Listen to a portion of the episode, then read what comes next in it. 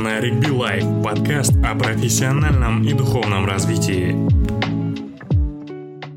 Всем добрый день. У нас сегодня очень-очень-очень интересно обещается подкаст. У нас сегодня очень необычный гость, я бы э, так это сказал, Пакита Шамуи. Добрый день, Пакита. Привет, Наригби. Большое очень спасибо, что вы сегодня присоединились к нам. Пакита, могли бы вы себя как-то представить э, зрителю, может быть, как-то? Мне кажется, это легче чем мне. А, спасибо большое, Наригби, э, что пригласил меня. А, это интересный опыт для меня. Поделиться чем-то, чем смогу. А, меня зовут Пакита, мне 30 лет. В общем, я преподаватель в КБТУ и, э, и занимаюсь научными исследованиями. Вот. В прошлом году я законч... окончила докторантуру в Японии, то есть моя специальность компьютер сайенс. Вот. И как бы сейчас активно занимаюсь научными исследованиями, а также преподаю по бакалавриате, магистратуре, докторантуре, а, вот. И а, мое хобби это получение новых знаний. Я от этого большое удовольствие получаю. Вот. Поэтому, когда на Ригби сказал, что цель этого цель подкастов, которые он ведет, это а, развитие молодежи и мотивация и так далее, я подумала, что буду полезна. Поэтому согласилась. Да, это очень-очень круто с вашей стороны, что вы хотите поделиться. Просто я вот хотел начать с того, как я с вами вообще впервые вас увидел. Это был, если я вспомню, это, кажется, был год 2009 или 2010. А, около 10 лет назад. Я был, кажется, в девятом классе. А, тогда нас Асхар Ашабаев привел нас к КБТУ, чтобы мы готовились. У нас тогда еще Жазида Жумусова была там. Да, да, да. А, вот. Мы такие были школьники, максималисты такие, решали задачки. Я вот что вспомнил сразу, это так, и мы как-то сидели в контине и разговаривали на эти э, айтишные всякие темы, и вы, кажется, тогда очень такую фразу сказали, которая мне сильно вбилась в память. Это такая фраза была, когда вы такие, такая повернулась и сказала, типа, ну, я задрот. И вот такая, или задротка, я не помню, вот такая, вот такая была фраза, и я такой, типа, вау, я как бы был в первой жизни человек, и, это было такое, знаете, первый, жи... первый раз в жизни, когда ну, человек признал, что он, типа, задрот, я такой, вау, и я такой дальше, типа, о, это интересно, и вы начали рассказывать, как вы там учитесь, как там, ну, вы, кажется, были в третьем, кажется, курсе или в четвертом, я не помню точно. Нет, я точно не на четвертом, наверное, на втором или на третьем. Угу. Ну, на, на, на втором третьем. или на третьем, да. Да-да-да. И вы так ну, рассказывали, как вы учитесь, я там прям очень сильно повлиял, я такой, вау, как бы сказать, не знал, что люди так учатся. Э, ну, до этого я был школьником. Вот. И это сильно било в память. Ага, я никогда не скрывала, что я люблю учиться. А, то есть э, многие люди так э, втихую а, сидят, много занимаются, а потом говорят, «Э, да нет, я особо там не люблю учиться, это так, ну, как врожденное, что ли, я не знаю. Я с детства очень люблю учиться, я не скрываю это, и пусть кто хочет, так это и называет. Вообще мне не нравится слово «задрот», я не помню, что я так сказала, но в том понимании, как люди вот представляют, что кто такой задрот, да, наверное, я подхожу под это описание. Да, вот просто у меня такой вопрос. Вот вы говорите, что вы любите учиться. Откуда это вот желание у вас? В виду, это идет с детства, это со школы, это с универа, это откуда вот такое у вас? Вообще, я думаю, что есть несколько теорий у меня вообще. А, откуда? У меня это такое а, ярое желание узнавать что-то новое. А, ну, во-первых, хочется сказать, что в первом классе я была двоечницей. А, вот. Я не ходила в садик вообще, потому что у меня были с детства слабые руки, а, и они вывихивались при незначительном контакте вообще, при незначительных действиях. И, в общем, мама очень сильно переживала, а я не ходила в садик. И поэтому я пришла в первый класс совершенно неподготовленной, была чуть ли не самой худшей ученицей. И потом в какой-то момент я заболела, и мама будучи кандидатом наук, как бы сказал, ну, доча, ну, мне немножко как бы не по себе, ну, что ты так учишься, это не самое главное в жизни, но все таки давай хотя бы ты будешь троечницей или ударницей. Я вот, э, мама села со мной, то есть эм, все мне заново объясняла там вот ну вот если вы помните что дети проходят в первом-втором классе да это элементарно красиво почерк, там, считать, писать, там, считать до 10 и так далее. А, потом, когда я спустя две недели, кажется, пришла в школу, никто не узнал, что случилось. Утенок превратился в лебедя, я стала лучшей ученицей в классе. а, возможно, вот это вот э, у меня многие сферы в моей жизни, да, начинались с какого-то неуспеха и позора. Это и про шахматы, можно сказать, и про программирование, а, и про вот вообще учебу, да, вот как я сейчас сказала. Возможно это, но вообще я с детства я любила читать книги, то есть э, я даже не знаю. Вот. То есть, но я думаю, что, скорее всего, мое детство, вот, то есть влияние мамы было, конечно, критичным, и то, что в первом классе, да, меня часто позорили в классе, то есть мне было и потом как-то это вот так вот в, переросло в другую силу, да, вот как бы энергия э, негативная, там, позора накапливается, а потом раз, ее же можно трансформировать в другую вообще, да, поменять полярность. Как вы учились? Мисуда, был какой-нибудь метод обучения, скажем, в университете или, как, ну, не знаю, как-то отличалось ли то, как вы учились и как учились остальные? Да, у меня в жизни было три этапа, три этапа просветления, да. А, то есть, когда я в школе училась, у меня была обычная средняя школа.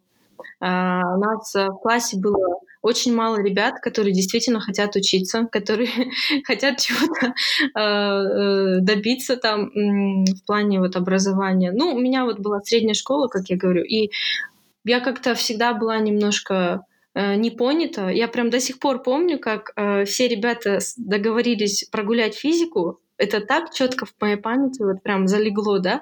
И, и вы знаете, мы все вышли из школы, и я тоже шла, и весь класс меня зовет, Пакита, ну пойдем. А я говорю, нет, все-таки, ребята, давайте останемся. И вот я не выдержала и вернулась. То есть э, в школе я всегда была немножко не такая, как все.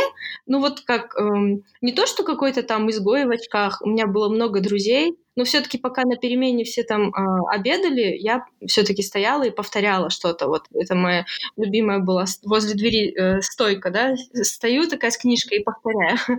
Потом, э, когда я пришла в университет, я почувствовала себя счастливой, потому что а, вот, э, у меня был очень очень хороший поток. Вот, э, то есть вот, это было первое английское отделение в КБТУ, и было очень много ребят, которые такие же, как я. Наконец-то я себя почувствовала как рыба в воде, что вот обстановка нужная, да. Наконец-то все хотят учиться.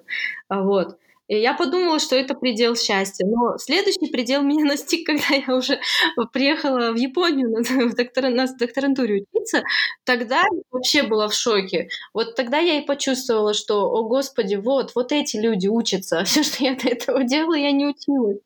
Вот. Но если говорить о методах, в школе и в институте, наверное, я всегда просто более усердна была, чем другие. Э, больше времени тратила. То есть я и по ночам занималась, я заранее материал какой-то проходила, то есть outside of program, да, то, что в школе дают, я вне этой программы по разным предметам что-то изучала. Вперед тему изучала.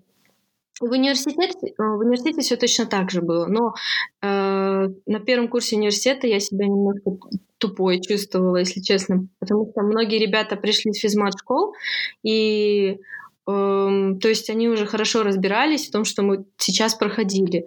Тогда мне приходилось еще больше сидеть. То есть э, усердие — это ключ вот для меня. Наверное, мне, я никогда не считала себя какой-то умной, гением. Я просто больше занималась, э, чем мои э, одноклассники, я так думаю, и однокурсники. Вот. Ну, я, я думаю, вот в этом весь секрет. Просто больше занималась. Ничего особенного. Да, hard work как говорится. Ну и, конечно, я всегда изучала то, что мне нравится. Вот.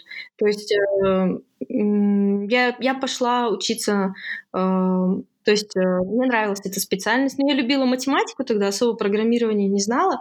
Я имею в виду, не могу представить, как можно просиживать э, и учить то, что тебе не нравится. Поэтому, наверное, самое главное это действительно выбрать то, что нравится. То, от чего э, в экзальтацию приходишь, то, от чего начинает сердце быстрее биться, да? Вот. Вот следующий вопрос таков. А как вы поняли, что вы должны поступать именно в эту профессию, именно в профессию IT? Ну, я к тому, что на, на момент, когда вы, кажется, поступали, это не особо была популярная профессия среди девушек, да, особенно. Да. Точно. У нас было где-то 30 э, или 40 человек, и только 8 или 9 девочек. Я до сих пор помню это. А, в общем, я вообще-то, если честно, не особо планировала именно на эту специальность поступать. А, да, такой факт. Я очень любила математику, я принимала участие в олимпиадах и так далее. Я играла а, шахматы, это тоже как бы вот все вот это техническое у меня было хорошо развито, но э, я вообще ничего не знала о программировании. И э, у меня к тому же мама кандидат технических наук, э, папа он как бы юрист, и у меня брат юрист, у меня такое поколение прокуроров, и они мне говорили, вот тебе нужно идти в юриспруденцию или в экономику. Не нужно как мама, пожалуйста. Такой дом одной которая все время за учебниками, да, там в своем мире. А, но вот я решила, что я э, то есть, буду поступать на экономиста. Но когда я пришла в КБТУ подавать документы, а, я смотрю, все в очереди а, обсуждают что-то программирование, и там вот одна девочка была, она рассказывала про помидоры, вот про какую-то программу, по которой можно что-то посчитать, когда помидоры, как вырастут и так далее. Я что-то послушала, думала, ой, как интересно. И а, представляешь, я третий выбор вот после финансов и менеджмента третий выбор я в последний момент убрала казгу экономику. Вот первый выбор был финансы КБТУ, второй выбор был менеджмент КБТУ, третий выбор я зачеркнула казгу и написала информационные системы. Я не знаю, как это произошло. Вот. Это было очень удивительно. И я... У меня было 116 баллов из 120, и пороговый был, оказывается, 117 в тот год, чтобы поступить на финансы и на менеджмент. А еще прикол в том, что один, один балл у меня на ЕНТ э, по ошибке забрали. То есть это было признано, но мы на апелляцию не подавали. Uh, да, у меня должно было быть 117 баллов. все так это, да, такие вот прям тютелька в тютельку все так сошлось.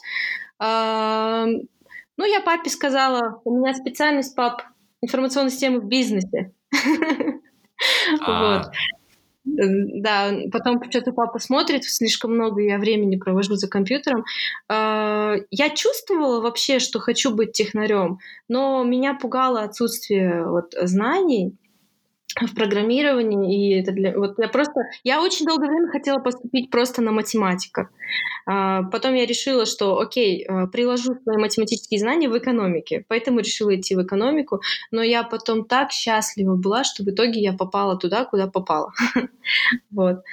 Действительно, да, тогда это было не так престижно. Не так много людей шло войти. Тогда все экономику выбирали. Ну вот я, видите, подверглась этому, да.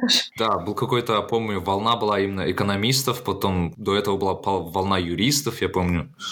Да, да, я, сейчас думаю, что мало, очень много, много людей сейчас именно на программистов поступает уже. Да, да, да. да, тренд, да. мне кажется.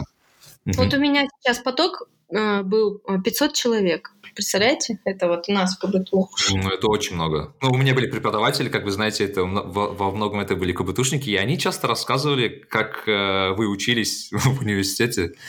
Э, в частности, о вас именно то, что вы как бы... Я не помню, кто это именно был, но какой-то из наших преподавателей рассказал о том, как вы как-то какой-то предмет заранее там типа ну, начинался семестр, что вы заранее читали материал и уже подготовлены заходили в урок. Так ли это было во время университета? Да, я часто, я часто заранее э, готовилась, но это было не с той целью, что э, как-то себе облегчить жизнь, все изучить заранее так хитро, да, чтобы потом на уроке сидеть, отдыхать. Нет. А сейчас объясню. Вообще, э, э как э, мой любимый третий папа Флотбей говорил, э, у информации есть такое э, свойство, она усваивается постепенно. А, вот, э, то есть э, с одного раза никогда ты не поймешь глубоко какие-то знания, да. И когда я уже имела какую-то базу по теме, мне всегда легче заходили объяснения преподавателя. То есть я просто себя, я просто хотела, чтобы у меня немножко уже почва была подготовлена, вспахана, да, для восприятия вот этих семян знаний. Вот. То есть цель была только в этом. Я, наверное, думаю, каждый вспомнит сейчас себя, как он сидит на лекции и ничего не понимает, да? Темы у нас были сложные, и заранее э, прочитать что-то, подготовиться, это только помогало в усвоении материала. Конечно, я полностью все самостоятельно не могла изучить, но э, так я максимизировала пользу от лекций. Я в университете, когда учился, об этом как-то не думал, я не знаю. Не думаю, что многие об этом вообще думают, э, ну, имеют в виду студенты. А вы попробуйте как-нибудь перед лекцией немножко об этом почитать. Вы по-другому воспримете информацию. Да, на самом деле я вот хочу добавить к этой теме, что, знаете, вот это не только работает на лекции. Например, я делаю это так часто с книгами. То есть, mm-hmm. например, я буду читать какую-то очень специфичную книгу на какую-то тему, но, mm-hmm. например, э, тема немного сложная. Я что делаю? Я просто, ну, базово просто захожу в Википедию, читаю про это. То есть я там очень просто описано это все. Mm-hmm. Если надо, то я захожу там в YouTube, очень простые лекции, там, о, прикольно, типа, можно как-то понять, mm-hmm. а потом уже захожу в книгу. И как-то у меня вот это, как говорится, почва уже готова, и я как-то легче воспринимаю эту информацию, потому что какой-то хоть базис у меня есть. А да. вот когда я просто берусь за книгу, ну, очень сложно воспринимать, потому что каждое второе слово для тебя становится, ну, непонятным просто. Да, но это на такой... самом деле очень просто объяснить на физиологическом уровне. У нас в голове уже какие-то нейроны вспыхнули по этой теме, и когда ты слышишь это второй раз, больше нейронов вспыхивает. Это как с ООП, да? То есть студентам, когда uh-huh. говоришь, вот наследование, да, все такие, а, да, понятно. Но потом есть несколько стадий понимания этого. Когда делаешь проект, они по-другому понимают. Через пять лет опыта работы ты уже по-другому это еще понимаешь, новая степень. Уже через 10 лет ты думаешь, так вот зачем нужны были эти интерфейсы, я только сейчас понял вот всю вообще суть. То есть зачем именно это нужно. Точно так же вообще с любыми знаниями. Вот. Э, зна... Вообще все истины простые, и они как-то разные степени понимания просто имеют. То есть э, вот. Поэтому я заранее читала да, э, просто я вот почему это затрагиваю, потому что, ну, методы эффективного обучения как-то многими игнорируются. То есть люди учатся и учатся, ну, хотя можно было бы учиться немножко по-другому, хотя это не сильно сложно, но учиться гораздо, гораздо эффективнее, да? Э, проблема то, что сейчас идет э, просто передоз информации, со всех абсолютно, откуда только можно, да, э, мы сейчас окружены вот этими э, факты, факты, факты, факты, и вот в, этом, в, в этой э, ситуации очень важно их интерпретировать, какой-то свой рефлекшн давать, то есть порционно, да, что-то послушать, подумать, а, и потом свою рефлексию вот переварить, может куда-то записать. И потом, когда опять уже будешь слушать, а, уже будешь по-другому воспринимать. Вот сейчас действительно раньше не было информации, да, а, а сейчас ее слишком много, ее нужно фильтровать. Вот. И это очень сложно, действительно, сейчас, я думаю. Да, и присутствует какой-то переполненность, да, вот этого информационного поля. Да, да, да, да, да. Я как помню, у вас GPA был, кажется, 3,98, около что-то такое, да? Имею в виду, типа, очень близок к этой у цифре. был бакалавриат GPA 3,98, и это, это была большая боль для меня. У меня, получается, по физике и по дискретной математике были не эйки. Ну, A- для меня не эйка все-таки, тогда так было. Еще знаешь, что самое обидное? По дискретной математике у меня было 95, а через год а, границу сместили с 96 на 95. То есть, когда я училась, Эйка была с 96 баллов. На следующий А-а-а. год эту границу на 95, но у меня A- осталось. Это было очень обидно. Вот. А, потом, кстати, в магистратуре я очень сильно убивалась, чтобы у меня все-таки эйка. Эйки все были, и в магистратуре у меня GPA 4.0. Вот. Но потом только в докторантуре я, когда мой перфекционизм в пух и прах был разорван, я поняла, что оценки это все глупость. А, вот. Но видишь, э, по сути, если ты стараешься и тебе нравится, это все коррелирует с хорошими оценками. Но не всегда, конечно, э, те, у кого хорошие оценки, у них есть, э, то есть глубокое понимание темы. Вот. Но хоть какая-то это такая внешняя мотивация для студентов. Знаешь, как студентов э, э, постоянно дразню бонусными баллами. Вот. Э, это для них мотивация что-то изучить и сдать, правильно? Вот. Все-таки какой-то способ, пока они не дошли до этого. Вот я во время обучения в докторантуре к этому пришла к выводу, что это не главное, да, даже вот, может, когда вот еще магистратуру заканчивала. А вот пока как бы ребята такие зеленые, незрелые, не понимают всего, почему бы и за счет оценок не заставить их э, чего-то поизучать? Ну, это работает. Да, работает. Действительно, студенты очень любят бонус баллов.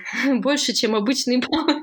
Я просто к чему веду, вот как раз-таки я вот эту тему хотел затронуть, то, что, ну, даже ну, в мои студенческие годы очень часто, особенно девушки, э, работали ну, мы не работали, а вот именно учились ради этих самых оценок, то есть чтобы вот как раз-таки был A, A-, там, ну и так далее. Я был максимально, вот просто я про себя расскажу, я, я был максимально простой, я говорил, ставьте, что хотите, и на мое удивление, я почти на красный диплом закончил университет таким вот способом. Ну, это правильный подход. Я говорил, что, блин, это работает, как бы, ставьте, что хотите, реально. То есть учите, как бы, как, как вам, ну, типа, удобно, а не так, чтобы вы разрывались ради этих самых оценок. А, нет, вот знаешь, как раз-таки, да, у меня на первом месте всегда стояли знания.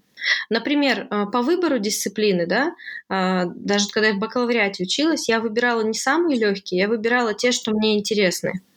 А, я знала, что я могу получить, есть риск получить четверку, например, да, но я их выбирала из-за того, что они мне нравятся. Для меня никогда оценки выше знаний не стояли.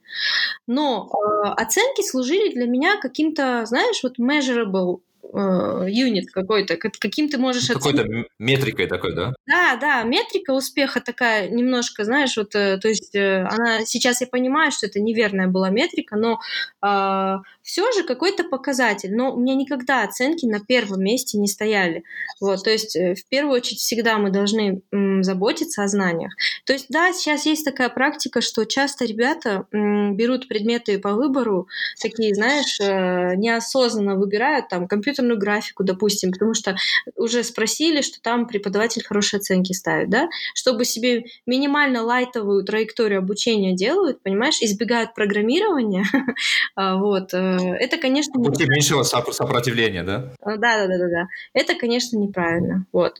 Но э, как в твоем случае, я думаю, что всегда э, старание, э, выбор знаний, да, это всегда сопряжается хорошими оценками. Пакита, я вот хотел что спросить. Вот вернемся назад, вы закончили университет, Uh-huh. А, но вы стали преподавателем. Бакалавриат имеешь в виду? Да, да, да. Имею в виду, типа, вы, вы же, вы же вот после этого же начали преподавать, как я помню, да? Да, да, да. Я еще на четвертом курсе даже немножко преподавала. Мне много очень людей говорили, что у меня есть талант преподавать. Еще вот э, с университета и Фотбей мне это говорил. Э, я любила собирать э, людей, что-то им объяснять. вот, но я, если честно, не видела свою миссию, то есть э, жизни, преподавания, наука. У меня не было этого. А, я тогда мечтала все-таки работать э, в банке, зарабатывать деньги, вот. И у меня не было. Ну, это у всех сейчас вот э, бакалавров на самом деле такие стремления, да, а, вот. Э, ну, то есть пока не было реализовано вот это у меня достаток, пока не реализовала это, я не думала о каких-то высших целях. К сожалению, у нас это так заложено по нашим нуждам, да. И, но почему я пошла все-таки преподавать? Я решила обучаться дальше в магистратуре, я просто увидела, что действительно хорошая программа готовится, а, зарубежные преподаватели приехали. А, мне понравилась программа, и я решила, что да, я хочу сейчас вот э, продолжить обучение. Я не могла уехать за рубеж, так как, э, э, то есть, я была в положении, вернее, я уже четвертый курс закончила, вот я как раз-таки только закончила, и через месяц у меня ребенок родился. То есть с маленьким ребенком никуда не уедешь, и я подумала, сейчас отличное время продолжить обучение. И я пошла в магистратуру. А потом такая смотрю, думаю, а что бы мне заодно не преподавать? А, как бы есть чем поделиться. Я так хотела преподавать программирование, прям горела этим. А, много, вдохнов... много учителей, конечно, вдохновили меня на это. У нас все учителя были такие молодые а, примеры, да, вот просто. И я хотела тоже в какой-то мере, может, для кого-то побыть примером и немножко обучить. Но я не думала, что я буду этим так долго заниматься. Это меня затянуло. Вот я просто, получается, чисто из э, соображений того, что быть кому-то полезной и совместить, то есть с работой, то есть с учебой совместить, я выбор, сделала этот выбор. Думала, вот сейчас в магистратуре отучусь пару лет и пойду работать куда-нибудь там в банк или в какую-нибудь компанию, и все, э, рукой помашу. Но потом у меня э, случилась самая сильная любовь в моей жизни с наукой. Это было вот в конце первого курса, и вот я до сих пор пока еще не разлюбила. Вот. Э, но преподавая, да, я почувствовала такую огромную благодарность от студентов – это, это чувство непередаваемое. Я себя действительно чувствовала и чувствую счастливой, когда я преподаю. Это ни с чем не сравнится. А, и ни, ни, ничего не может э, препятствовать желанию получить это опять, как наркоман. Вот хочется этого, да, ни а, особо конкурентная там заработная плата, которая у преподавателей есть, а, ни какие-то другие минусы, которые сопряжены с преподаванием. Это огромные затраты энергии. Вот этот output, который ты получаешь, фидбэк от студентов, это вообще клевая вещь, и она тебе придает энергию, силу, мотивацию. То есть это здорово. Я пробовала отказываться от преподавания. То есть вот когда я училась в докторантуре, я где-то на год брала отпуск. Мне было очень грустно без студентов. А вы можете сказать, что это ваше, есть же на японском, как они говорят, икигай? То есть э, можете сказать, что вы нашли это в, это в преподавании? Э, скорее всего, икигай — это наука для меня. Ага. Сейчас все-таки для меня приоритет наука. А, но вообще икигай, я не могу сказать, что я его нашла. А, есть такая забавная история про икигай. Мы как-то сидим а, на одном пати, э, с нашей лабораторией, мои руководители сидят, и, в общем, я такая говорю, а давайте поговорим про икигай. И они все так серьезными такими стали. Я говорю, вот у меня два икигая. Преподавание и бизнес. Вот не знаю, можно ли назвать э, семью икигаем, это, по идее, немножко другое, но я говорю, если это можно, то это третий икигай. Они на меня так посмотрели, очень удивились, потом говорят, «А, Пакичан, они меня Пакичан называли, ты не можешь знать свой икигай сейчас? Я говорю, почему? Они говорят, ну икигай — это то, к чему мы всю жизнь стремимся, но никогда не достигаем. Ты не можешь сейчас сделать об этом вывод, а, перед самой смертью, возможно, к тебе придет озарение, и ты поймешь, что было твоим икигаем. А сейчас это все только догадки. Вот. Но если говорить о том, что вот краткое описание кигая это то, что тебя заставляет утром вставать э, и э, вообще что-то делать. Э, то есть что тебя утром заставляет вставать с кровати? Почему ты дальше не спишь? Если говорить о каких-то высших целях, для меня это, конечно же, наука. А преподавание это какая-то отдушина, а, какая-то социальная роль. Ну, хотите, можете считать, что я так хочу в рай попасть. Круто. Ну, очень интересно, на самом деле, объяснение Икигай. Э, ну, это, я так понимаю, что это такая наивысшая цель. Да. Без наивысшей цели, конечно, сложно жить. И суть в том, что эта наивысшая цель меняется в течение жизни. А, вот. Э, и ее мы понимаем ближе к смерти как мне сказали. То есть она такая динамичная вещь, да? Да, она, она может меняться, то есть до нее надо докопаться, она где-то, но она в нас зарыта с самого рождения. То есть э, надо до нее дойти, докопаться. И весь, весь наш предыдущий путь, он нас готовит а, к встрече со своей настоящей миссией. Очень интересная мысль, на самом деле. Японцев, может, я его неправильно как-то поняла, но мне откликается на самом деле. Сейчас у меня долгое время кигаем было образование. А, улучшение образования в Казахстане. Вот это было долгое время моей целью. Но потом я решила, что бессмысленно себя обманывать. Честно, мне наука нравится больше. вот. А, и поэтому немножко у меня сместился фокус. Э, сейчас я стараюсь так не в полную прям меру преподавать, хоть у меня полная ставка, но я а, раньше я и на полторы, и на две ставки работала. Э, то есть э, сейчас я все-таки э, хочу э, оставить преподавание в таком объеме, чтобы это не потеряло эффективность для меня, ну, чтобы, то есть, я не, потеряла в качестве, да, вот. То есть э, преподавание не так легко масштабируемая деятельность. То есть мы в прошлом году, вот когда у меня было 500 студентов, я, я это осознала, да. Я очень сильно эмоционально истощилась, вот, и восстанавливалась долго, но э, все-таки это должно быть в моей жизни это как-то меня мотивирует. А у меня вот последний вопрос по этой теме. А, вот у меня есть сестренки, братишки, знакомые, друзья, они просто часто спрашивают про магистратуру. Точнее, вопрос таков, mm-hmm. что вот я, говорит, закончил, вот мне нужно магистратуру, и, э, и говорит, ну, у многих там, у, пар, у парней там понятно, у них там они многие косят от армии и, типа, поступать за этого, а девушки такие, типа, mm-hmm не знаю, у них другая там мотивация. Вообще, если брать осознанно, что нету никаких вот таких э, внешних факторов, то зачем вообще нужно поступать на магистратуру, как вы думаете? А, ну, вообще, в магистратуре есть уже какие-то зачатки, даются зачатки науки. А, можно, так сказать, понюхать науку, знаешь? Не попробовать, а понюхать, вот знаешь. А, то есть, если запах тебе нравится, скорее всего, и на вкус понравится, да? А вкус почувствовать уже во время PhD можно будет. А, вот.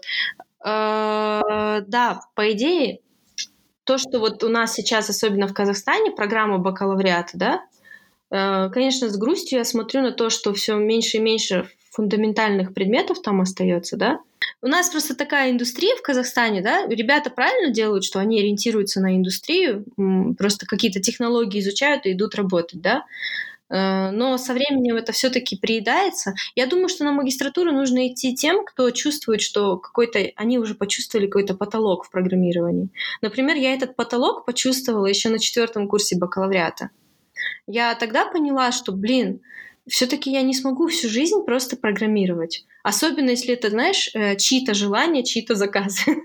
я все-таки свободолюбивая человек, да, вот э, в программировании очень э, быстро можно почувствовать этот потолок. То, что ты думаешь, окей, а что дальше? Что дальше? Я что там до конца дней буду вытаскивать э, данные из базы и их показывать на веб-страничке? Окей, а чему же мне учиться? А, и э, тогда как бы я уже это осознала, что мне хочется чего-то нового, чего-то более интересного, захватывающего, чего-то такого, где много нерешенных задач, невспаханных полей. И я подумала, ну окей, попробуем магистратуру. А, я планировала работать и учиться, посмотрим, что из этого выйдет. Да? У меня были такие мысли. И вот когда время магистратуры какие-то дисциплины мы проходили уже, типа затрагивающий искусственный интеллект, например, я поняла, что вот, это мне нравится. То есть решать задачу, не зная, что будет в конце. Вот, например, программист, когда решает задачу, он это делает по техплану, правильно? То есть вот по, э, по технической по документации, да, тех заданий, как это называется. А вот э, в науке, получается, э, нет такого. То есть ты вот знаешь, что-то варишь, варишь какую-то кашу, и ты даже не знаешь, что в конце будет, это так захватывает, это интересно. Вот. Вот поэтому я думаю, что вот у кого есть какие-то зачатки креативности, творчества, а, желание создавать что-то новое. И кому уже, вот, кто начинает чувствовать вот этот потолок программирования, да, а, этим ребятам, возможно, нужно задуматься о магистратуре. И я думаю, магистратура уже может подвести, либо не подвести к PhD. Можно, конечно, закончить магистратуру и работать дальше, как ты работал, да, в своей сфере, IT-спецом, продвигаться, может, проект-менеджером будешь там, может, еще как-то повысишься, да. А, но магистратура, наверное, дает именно э, возможность почувствовать, э, ступать ли на путь науки или нет.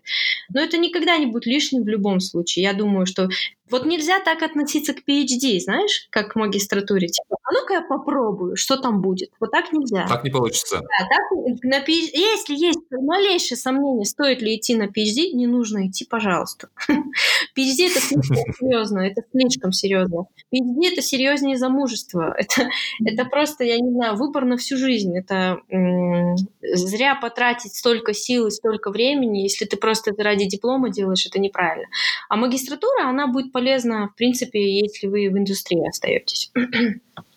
Да, Поэтому очень хороший лайфхак. есть возможность лучше идти на магистратуру, хуже все равно не будет, только лучше. Это да. Тем более, еще, знаете, что хотелось бы добавить, вот последний момент. А, многие люди вот заканчивают бакалавриат и думают, окей, я сейчас поработаю, покайфую, там, устал учиться, да? Но видишь, потом уже через какое-то время люди семью заводят, тогда уже сложно учиться. А, пока вы молоды, пока информация воспринимается, лучше уж заодно, я считаю, это мое мнение, магистратуру закончить. Вот. А, то есть потом уже можно не вернуться к этому.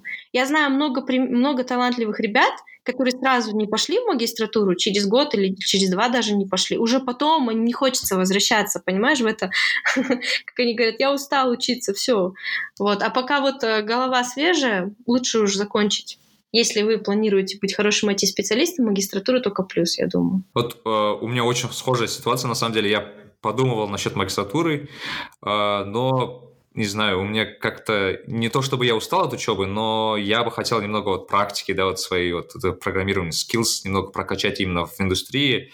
Э, и для себя решил, что вот как я и почувствую, что я более-менее прокачался, пойду в магистратуру, я до сих пор не пошел, то есть это, это, это реально, то есть э, Не то чтобы я сейчас не чувствую вот эту надобность, мне бы хотелось, но заставить это сложнее уже после этого, мне кажется. А, работа, это очень хорошо. Я думаю, что можно... Э, я, вот я говорила, что сразу после бакалавриата можно пойти на магистратуру. Можно, но даже лучше будет, если чуть-чуть поработать и потом пойти. То есть годик, допустим, поработать. У тебя еще вот сверху на твою базу наслоится вот этот эмпирический опыт, да, и вообще туда вот материал магистратуры отлично сверху уляжется, да. А то, знаешь, э, бывает такое вот, знания к тебе попадают, как через трубу все хып, прошло и вышло дальше. А это уже как дуршлаг будет, то есть там что-то уже через твой будет опыт проходить, и это тебе лучше будет усваиваться. А, да, ну, я вообще, вот меня удивляло, почему ребята, да, вот которые Uh, просто работают, да, они даже не женаты, да, почему они так мучаются этим выбором, магистратура или работа? Я думаю, что можно прекрасно совмещать все это. У меня есть ребята, вот сейчас магистранты, которые работают и учатся, это нормально. То есть э, в магистратуре немножко уже другие дисциплины. А, там тебе не... То есть, конечно, сложно, да, э, найти специалиста учиться сложно первые два года, да, но когда у тебя уже есть знания в этой области, в магистратуре будет не так дико сложно учиться. То есть там много практики, там требуется понимание основ. То есть, если у тебя есть понимание основ, тебе будет несложно учиться. Просто, мне кажется, это еще зависит, ну, мы, мы же говорим про казахстанский магистратуру, в Казахстане именно, то, что в Казахстане возможно учиться вечером. А, например, в том же западных университетах же, ну, это же full time ну, имеем в виду магистратура, это прям full time работа, ну, считается. Я к этому веду. То, что в Казахстане это гораздо легче учиться наверное, в магистратуре. А, да, но я думаю, а, еще за рубежом, по-моему, магистратура один год, да, во многих а, университетах? Год-полтора где-то, да. Угу. Ну, я думаю, можно part-time в это время работать, ничего не случится. Просто, знаешь, вот я все-таки считаю, что я бы хотела, чтобы максимальное количество людей попробовали этот вкус науки. Многие просто не знают, что это такое, и поэтому туда не идут. Понимаешь? А, вот, э, и вот как раз магистратура позволяет это сделать. А как вот ты, это, это как, э, как ты поймешь, что это не твое, да, надо попробовать. Вот. Но в любом случае, мне кажется, магистратура полезна. Вот это в любом случае будет для человека полезно. Поэтому я бы советовала а, всем все-таки а, окончить какую-нибудь, магистратуру. Вот кто вот именно, знаешь, кто вот как ты, например, да, ты же хороший IT-специалист. А, тебе магистратура много дополнительных знаний придаст. Ну, конечно, если кто-то там строит бизнес свой, а, там, возможно, будет лучше учиться так по мере поступления запросов, что-то там изучать, какие-то курсы. Но вот э, для таких людей, как ты, допустим, я советую поступать в магистратуру. Все, подаю документы. Давай, если что, я тебе рекомендательное письмо. Нарик Билай. Давайте поговорим про науку теперь конкретно. Давай. А, мне очень интересно, потому что вы очень про это много пишете, говорите. Угу. А, вот. А, я вот до этого общался с Ханатом Хужахметом. Угу. Как раз таки. И он такой интересный вопрос сказал, что человек в науке, ну, как понять, что наука это твое, у тебя должны быть какие-то навыки, э, не навыки, а вот чувства исследователя, что ли, типа, да, да, тебе да. нужно... Да, да, да. Так, так, так называемый curiosity, да, ты же, ну, что-то, что такое должно быть, что тебе, тебе вечно покопаться, посмотреть, вот вот это. Да, То есть да. как вы поняли, что как вы поняли, что наука это ваша? Вот? Да, ты очень правильно сказал вот это curiosity, и это очень легко увидеть в человеке. Я сразу вижу среди своих студентов, у кого получится стать ученым, у кого нет. То есть вот это сразу видно, действительно. А, ну вообще я не собиралась. не, э, потому что, опять же, понимания не было. А, когда я на первом курсе в магистратуре училась, а, я же тебе говорила, да, что я хотела GPA 4.0. Да, да, да. У нас был один профессор, а, который приехал из Японии, э, и он нам дал курсовой проект. Я что-то так увлеклась этим проектом, а, немножко больше сделала, чем требовалось, там прям уже систему написала, помимо того, что метод придумала, систему написала.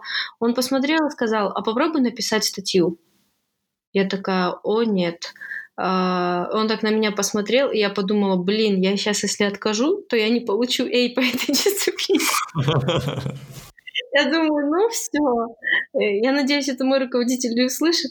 А, ну, я э, решила, окей, это для меня новый опыт. У меня просто ребенок тогда был маленький, 4 месяца, что ли, ему было. И, э, и мне неожиданно понравилось. Копаться в информации, делать какие-то выводы, добавлять свой опыт, да, вот эти эксперименты, результаты, особенно когда результат вышел хорошим, и, в принципе, статья была готова, минимальные модификации руководитель сделал, и я поучаствовала тогда в конференции одной, которая проходила э, в Цинциннати. И на удивление, тогда я получила свою первую награду за лучшую статью. Представляешь, моя первая статья и награда за лучшую статью. И тогда я как-то подумала, блин, неужели я нашла что-то, где я могу первое место получить, а? Наконец-то. Всю жизнь я была, знаешь, на Олимпиадах по математике вторая. На Олимпиадах по программированию мы все время были там третьи, четвертые, вторые, если повезет на спортивном программировании. И тут, знаешь, первый раз в жизни что-то попробовала, я вообще не ожидала. Вообще. И мне руководитель сказал, все, ты создана для науки. Я такая, ну не знаю. И я потом начала э, изучать вообще, э, что такое наука. И вот он мне очень помог. В будущем он был моим руководителем э, в докторантуре. Вот мой руководитель от Суши Сенсей. Ну вообще можно сказать, да, что ну, э, вот мне очень нравится фраза «Research is what I'm doing when I don't know what I'm doing». Э, действительно, вот этот curiosity должен быть. Ты что-то делаешь и не знаешь, что из этого выйдет. Uh, то есть мне как раз-таки это в программировании и не нравилось. Вот то, что ты, у тебя есть задача, да, и ты знаешь, какой должен быть output.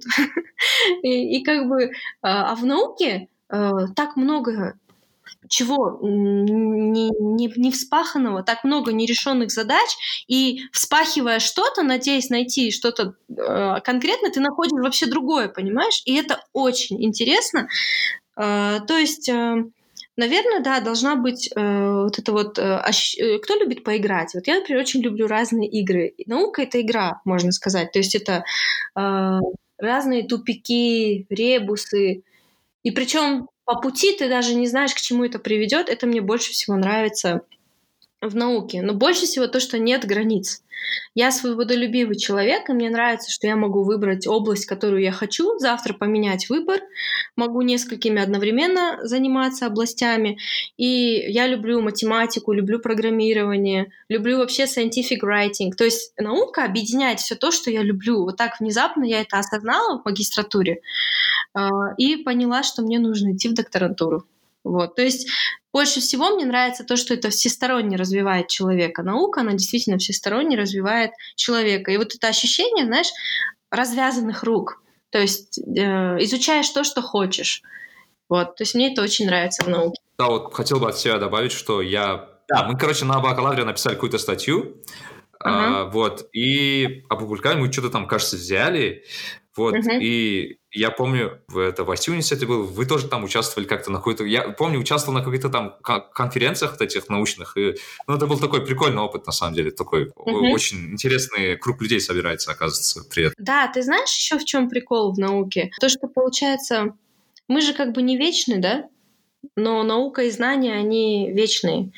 То есть мне настолько понравилось... Вот знаешь, какой кайф я испытала, когда первый раз мою работу процитировали? Вроде бы вот у меня работа про цветовое пространство, да, и раз мне приходит notification, это было, по-моему, в одиннадцатом году или... Нет, нет, нет, стоп, это было в тринадцатом году.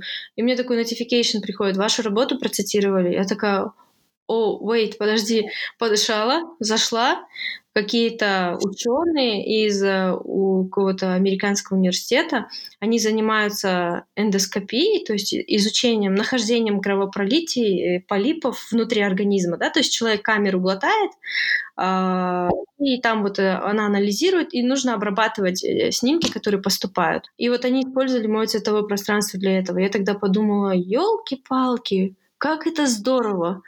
И получается, даже когда я умру, кто-то, возможно, будет продолжать меня цитировать. То есть я изменила этот мир как-то, понимаешь?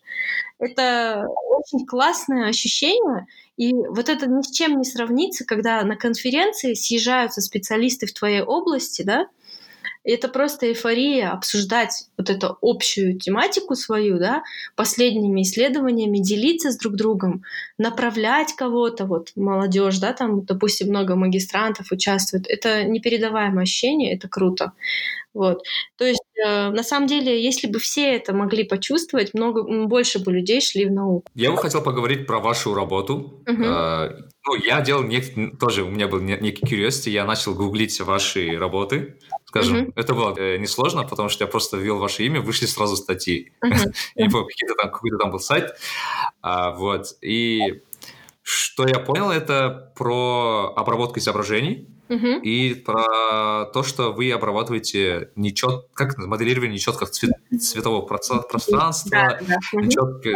Ну, что-то в этом роде. Можете объяснить мне, простому человеку, что вы, что это значит вообще? Ну, вообще, начнем с того, что вот э, у меня есть э, инс- инструмент, который я использую для то есть обработки изображений, как ты сказала, если все просто говорить, да, мы создали инструмент, который напоминает, который э, похож на то, как люди процессируют цвета.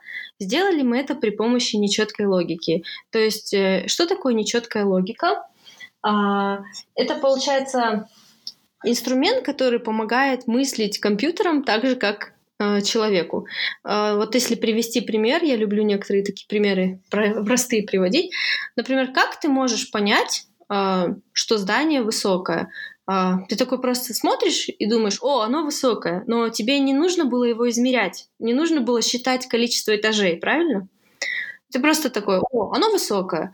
А, или, допустим, вот э, что для тебя на регби теплый горячий чай? Сколько градусов э, ты воспринимаешь как горячий чай, допустим? Можешь ответить? О, сложно. Ну, я могу примерно на вскидку, наверное, сказать. Ну, например, ты ставишь 90 градусов, да? А, но если я тебе 89, 90, 91 положу три кружки, да, перед тобой а, поставлю, ты не почувствуешь разницу. Все потому, что да. у нас мозг вычисляет все мягко. У нас мягкие вычисления в голове происходят. У нас нет каких-то очень четких границ. А, а компьютеру, да, как ты знаешь, вот условия if, else, да, ему нужны очень четкие. То есть, если бы компьютер решал задачу горячего, горячий чай или нет, ему нужно было загнать это значение 85 градусов, допустим, да? да. А, вот. То есть вот эта идея вообще ее можно применить к любому домену, и инструмент, который позволяет это воплотить, это нечеткая логика, то есть в которой степень принадлежности э, элемента к множеству может быть а, не просто 0 или 1, да, не просто черное или белое, а любое mm-hmm. число из бесконечного множества от нуля, от нуля до единицы. То есть 0,73, 0,5, 0,65, 0,99 и так далее. А, и получается, мы применили вот этот инструмент для того, чтобы создать новое цветовое пространство. То есть, наверное, все слышали о каких-то таких цветовых пространствах, как RGB, да? да, да, да. HSI, там, а, может быть, эм, Lab кто-то слышал. Мы просто создали новое цветовое пространство, которое уже оперирует нечеткими понятиями. То есть там каждый цвет в какой-то степени может быть красным и оранжевым, да? А, и вот при агрегации всех этих нечетких а, понятий выходит очень классный результат. Там же учитывается неоднородность цветовых этих distributions, распределений, pertinence, то есть вот эти цветовые каналы, chrominance, intensity, uh, saturation, это все имеет переменную значимость в зависимости от друг друга. То есть, например, если э, насыщенность выс- высокая, то тогда э, именно цвет имеет значение, chrominance. А если насыщенность низкая, то intensity. То есть современное цветовое пространство эти вещи не учитывают, и это можно было учесть при помощи вот как раз нечеткой логики. В дальнейшем, вот когда мы уже создали вот эту модель, мы ее применили э, для обработки изображений э, в электронной коммерции. То есть э, content-based image retrieval — это когда, в отличие от text-based image retrieval, это когда картинки вытаскиваются из базы данных э, не на основании аннотации тегов, которые прописаны вручную, да, а на основании того, что а на основании содержания картинки. То есть вот когда да. картинка добавляется в базу, ее цветовая схема нечеткая вытаскивается, и вот э, получается это целое направление, там есть еще другие э, как бы области, но текстура, объекты, то есть распознавание объекта и цвет — это одно из. Ага. Я правильно понимаю, что и это именно работает на... То есть, грубо говоря, э, он может относительно... Э, ну, скажем, я закинул фотку, угу. он относительно обрабатывая эту фотку, может понять на, как сказать, определить цвета на этой фотографии э, по какому-то да, паттерну. Да, да, ну, или... Причем вся суть в том, что эти цвета нечеткие. Понимаешь? То есть э, у, у нас рассматривается, вот, например, если ты м, посмотришь на существующие цветовые пространства, RGB возьмем, да, допустим, 250, 100, 100. Тебе что-то о чем-то говорит этот цвет? Ты можешь его представить сейчас в своей голове? Не можешь, правильно? Ну вот если R равно 250, G, ну даже если у тебя есть какая-то сверхспособность, да, это все равно сложно, это не human friendly. Обычно вот у нас, например, э, такие цвета. Оттенок красный, э, насыщенность очень яркая э, и интенсивность высокая. То есть это такой ярко насыщенный темно-красный цвет, типа бургундии. Ты сразу его можешь... А, ну я понял, да, теперь. И, ага. э, у нас всего получается 86 цветов. Э, и видишь, э, получается такой простой пример. Допустим, если ты будешь гуглить какой-то цвет, ну, не знаю, я, я не знаю, где-то прочитала про терракотовый диван. А, например, терракотовый диван, да, или я не знаю, вот есть такой цвет Serenity, Serenity Dress, допустим, да, те результаты, которые ты в Гугле увидишь, а, то есть э, Google классная компания, но даже у них нет идеального алгоритма для content-based image. То есть ты получишь результаты, и если ты откроешь страницу, ты увидишь, что кто-то там написал кто-то там от руки напечатал терракотовый, понимаешь? Это не на основании того, что он на самом деле терракотовый. Это было субъективное суждение человека, допустим, да, а, вот, но есть такие, прикинь, терракотовый диван твоей мечты, а, и кто-то на него не написал терракотовый, но он на самом деле терракотовый, ты его не увидишь никогда. Вот. И э, это одно применение, то есть прямое применение, просто, э, то есть э, вытаскивание цветовых схем, да, и э, есть такое вообще применение, если мы даже говорим о том, что мы хотим найти все картинки, допустим, где, э, я не знаю, зеленые яблоки изображены, да, э, здесь уже сложнее, здесь нужно распознать яблоко. И вот эти алгоритмы, которые э, занимаются распознаванием э, объектов на изображениях, это вот отдельная область. Я занималась image retrieval, да, это уже image э, segmentation, то есть object detection и так далее. Там алгоритмы очень сложные, и было бы, э, и они очень долго работают на огромном количестве картинок. И тут цвет может служить как фильтром. То есть ты сначала убираешь все картинки, где, которые там не, не светло-зеленые, допустим, да, и потом уже к оставшимся сету ты применяешь вот эти сложные алгоритмы. Э, но мы мое цветовое пространство для сегментации тоже использовали. Ребята из моей лабы, там просто получается вот картинка прогоняется и э, нечеткий цвет на каждый пиксель э, вместо старого пикселя нечеткий пиксель ставится, и это тоже помогает разграничить границы, лучше edge detection делать. Очень круто, вот реально, я вот э, не думал, что это настолько глубоко. Теперь мне бы интересно, знаете, поговорить о бизнес направлении да, этого. Mm-hmm. Не, не знаю, это бизнес или нет, но вы успешно продвигаете это в бизнесе, да, вашей, вашей работой, uh, применение, точнее, его. Да, получается, у меня есть такая история. Uh, я вообще не считаю себя человеком бизнеса. мне было сложно это решение принять, но мне пришлось открыть бизнес. Это было в 2016 году мои руководители, как мы, мы встретились на конференции в Китае, и мои руководители сказали, все, у тебя модель идеально работает, все классно, а, но нужна, э, нужна, э, нужно доказательство концепции, да, proof of concept. Типа, пожалуйста, внедри это куда-нибудь. Э, я как-то пыталась, да, договориться с местными компаниями, но мне не понравились условия, и тогда я подумала, а запущу-ка я что-нибудь сама. Вот. И, и на удивление, э, можно сказать, пошло.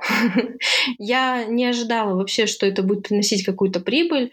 А, и как бы сейчас мой бизнес, он напрямую связан с моим докторским проектом но я не люблю об этом распространяться, потому что пока нечем хвастаться.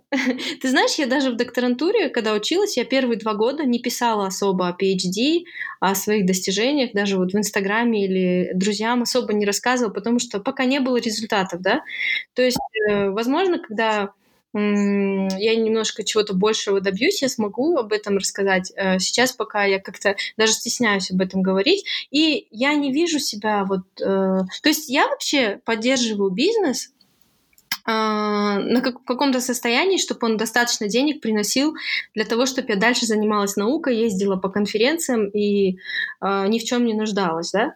Но я, у меня нет цели максимизировать прибыль, потому что все-таки это немножко не мое.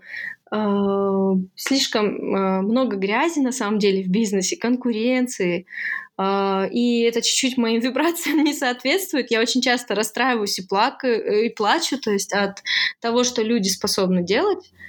Бизнес вообще жестокий, он совсем не сопоставим с наукой, поэтому я просто как бы считаю себя больше исследователем, который может там что-то применить в бизнесе, посмотреть, работает, нет. Ну, я планирую именно развиваться не как э, в плане бизнеса, а в плане исследований. Просто я, когда я, я это услышал, ну, меня это, ну, поразило. Имеется в виду, это был, кажется, первый пример, когда, ну, научную работу можно применять прямо в бизнесе, как бизнес-решение его продавать. Ну, это очень круто. Просто для меня это как-то, не знаю, смотивировало, э, не знаю, прям э, объяснять людям, что, ну, идти в науку это тоже круто, там можно заработать деньги, причем хорошие. Ну, не знаю. Просто э, вопрос таков, э, именно про бизнес, если говорить, то клиенты это местные компании или, или это международные? А кто они? Ну, в принципе, если не говорить даже про имена, вот примерно из какой они области и, и так далее. Местные и СНГ. Вообще, я не ожидала, что у меня получится вести бизнес. Я, вот мне немножко обидно, что я могу не так много усилий прилагать в бизнесе, и у меня получается. А почему-то вот в науке нужно очень много стараться, да? Но с другой стороны, бизнес использует результаты науки, вот, и поэтому вот так вот.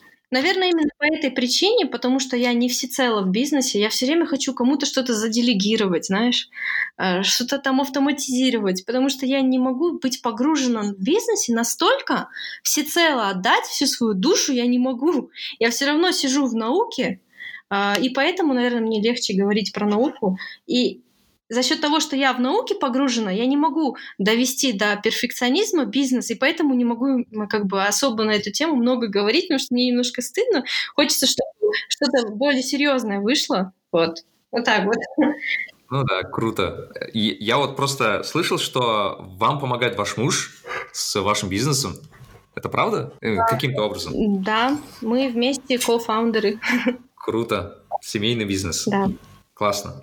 Вот я бы хотел проговорить про Японию. Вот вы очень часто про это пишете. Я прям вот иногда вижу, прям хочу туда слетать, наконец, когда это с, вирусом все это закончится. Так. Вот. Скажите, почему Япония? Вы почему выбрали PhD делать в Японии? Это вот, вот это же очень непопулярное решение, на самом деле. А, да. Ну, вообще, э, я когда начала читать про японскую культуру, я почувствовала, что многое во мне откликается. Вот, то есть э, вот японский профессор, который к нам приезжал в магистратуру, он, получается, мне вот так прям эту идею докторантуры внедрил в голову, убедил меня в том, что я для этого рождена. И он мне сказал, э, все, давай выбирай. Несколько стран там предложил, говорит, я тебе помогу, соберем документы, пропозал напишем и так далее он, он должен был быть моим руководителем в любом случае. То есть один от университета и второй он. И, то есть первый выбор, конечно же, был Япония, потому что он японец. Я начала читать, и мне настолько понравилось их отношение к жизни, то есть даже еще я там не была, и вот просто исходя из того, что я читала. То есть вот э, то, что они очень любят, э, то есть они трудоголики, э, что у них на первом месте знание, а, преданность, коллективное понятие «мы», да, а не индивидуальное «я». А, то есть вот это все как какой-то рефлекшн, который во мне вот от, остался после всего, что я читала, и плюс то, что как бы Япония страна технологии, не впереди нас и так далее, вот эти все вещи, которые у всех на слуху. И я такая подумала, почему бы и нет, э, да. И когда я приехала в Японию, конечно, это все оказалось даже гораздо круче, чем я предполагала. Но когда мне сказали, что, возможно, учиться мне придется 10 лет, я немножко спустилась на землю с небес. Потому что я не ожидала. Мам, мы ни с кем не проговаривали, сколько же я буду учиться. А, я помню, я как-то зашла в уборную, и один преподаватель у нас, профессор, женщина, она мне говорит, Пакита, поздравляю вас, а вы знали, что там учатся 7-10 лет? Я такая, как? Нет не знала. Вот, и я была в глубоком шоке, конечно, но для меня это было не так страшно, потому что я настолько кайфовала от учебы, что, то есть я не была бы не против, если бы это вечно продолжалось. Для меня же роль не в дипломе, как бы. Вот. Когда я уже туда приехала, то есть э, я увидела, насколько все, что делают японцы, созвучно мне я как будто бы, знаешь, вот как будто бы меня э, выдернули из Японии, как, будто бы я должна была родиться там. и закинули в другое место. Это, знаешь, как Маугли. То есть потом его вернули в свою среду, и он такой подумал, блин, как здесь классно. То есть э, так же, как и я, люди в Японии, они кайфуют от процесса, а не от результата. То есть я всю жизнь вот процесс-ориентед. Э, потом, что они обращают внимание на детали, то, что они не любят обобщение, то, что они, э, получается, э, приторно соблюдают нормы, уважают друг друга, то, что там есть культура, понимание человеч... Э, человеческих прав и так далее. Это вообще совокупный эффект. Ну, даже чистота да, там поражает, и просто все это такое сильное впечатление на меня произвело. И эстетика повсюду вкус у всех людей хорошо развит. Они все здоровые, стройные, интеллигентные люди. То есть э, это классный опыт вообще побывать в Японии. Это другой мир. Я советую всем когда-нибудь там побывать. Вы изучили японский, как я понял, за это время, да? Э, не совсем. Это, это моя больная тема. А, когда я поступила, мне сказали, что так, там э, пару курсов закончишь в универе, так, просто, чтобы разговорный язык был. Вы знаете, в Японии японский находится на таком прям предистале, то есть они настолько любят свой язык. Э, ну, вообще там 99,9 людей японцы, да, они обожают свой язык, свою культуру, и если ты учишься на английском, это не значит, что ты никогда не затронешь японский. То есть я думала, о, я не буду учить японский, но мне все сложнее и сложнее с каждой поездкой было, потому что все-таки, знаешь, вот эти вот э, разговоры, даже вот многие были так насмешаны японском, английском, я там что-то спросила перевести, не все могли. Ну, потом э, случилось так, что у меня младший ребенок э, родился, э, у нас были проблемы со здоровьем, у меня, у ребенка, я не могла поехать. Одна поездка в Японию отменилась у меня, и как раз тогда я должна была закрыть японские курсы там.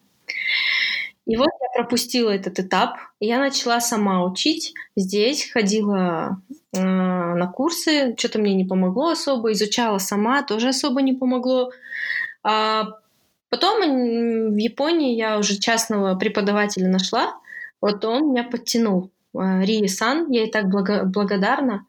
А, вот. Я так подтянула японский на таком уровне, чтобы хотя бы просто изъясняться. И уже на завершающей, на максимальном моем, вот когда я хорошо, максимально знала японский, я могла просто, да, что-то рассказать вкратце про себя, там, могла слушать, что люди говорят на японском, но отвечала я на английском. Они понимали, что я говорю на английском, и отвечали мне на японском. Такое у нас было общение. Сейчас я, конечно, многое подзабыла, но это мой незавершенный гештальт. Мне нужно японский выучить все равно когда-нибудь я буду. А как, а как вам язык вообще в целом? А, ты знаешь, мне нравится, что там все по слогам идет. То есть вот им очень нравится имя Пакита. Пакита. То есть там все вот так по слогам, то есть каждый иероглиф это слог. А, язык классный, мне нравится, как он звучит. Почему-то это особенность моего мозга, он не воспринимает, вот знаешь, вот не усваивает слова. Я могу сегодня выучить 100 слов, я их не буду помнить через неделю. Это именно японского касается. С английским у меня не так. То есть у меня почему-то эта информация не усваивалась. А, но когда я находилась в Японии, вокруг все говорили на японском, тогда было легче. Как только я приезжала сюда, я все забывала. Вот. Ну, хорошо. Наверное, атмосфера как-то влияет. Да, да. Ну, хорошо, что мне сказали потом в итоге, да нет, э, нету никакого там особого требования, э, чтобы ты знала японский. Я просто, получается, всю документацию мне помогали делать. А, пару курсов но я на японском прослушала, но лекции были, слайды были в интернете на английском. Ну и что-то я понимала из того, что говорят. В общем, такого не было, что вот прям все что-то строго, что-то на японском нужно было сделать. Абстракт на японском я так э, и про себя на японском я комиссии сказала. Все, конечно, удивились, но это был заученный текст. Круто. Да. У меня есть э, на работе коллега, она японка. Вот очень-очень э, интересный человек. Это, но она такая из Англии. Она такая британка, но у нее паспорт, получается, японский, у нее отец японец, мама, ну, тоже, то есть она японка, но жила в Англии, очень хорошо говорит по-английски, но в то же время она японка. То есть мне просто удивляет э, в японцах то, что они сильно придерживаются своей культуры, даже если они там родились в другой стране, они все равно считают они себя, то есть продвигают как японцы, да. А, одеваются как они там то есть пытаются общаться на японском, если видят. То... Тут, конечно, в Европе поменьше японцев, имеется в виду, в плане практики для них. Э, но мне прям удивило, что они такие очень патриотичные ребята оказалось. Ты знаешь, у них прям это э, заложено. Они как бы, они вообще не нацисты, ни грамм. Они именно патриоты. То есть многие это путают с национализмом, они, да, делят мир на Японию и не Японию, к сожалению. Людей на гайдзинов и не гайдзинов. Но это не хорошо и не плохо. Они просто другие, других людей действительно считают другими, но это неплохо. Они никогда не смеются, они с пониманием относятся. Они очень любят свою культуру и с большой щепетильностью э, допускают к себе в мозг какую-то другую информацию извне, знаешь? То есть они, например, когда мы обсуждали фильмы какие-то, да, они не смотрят зарубежные фильмы там зарубежную музыку редко слушают.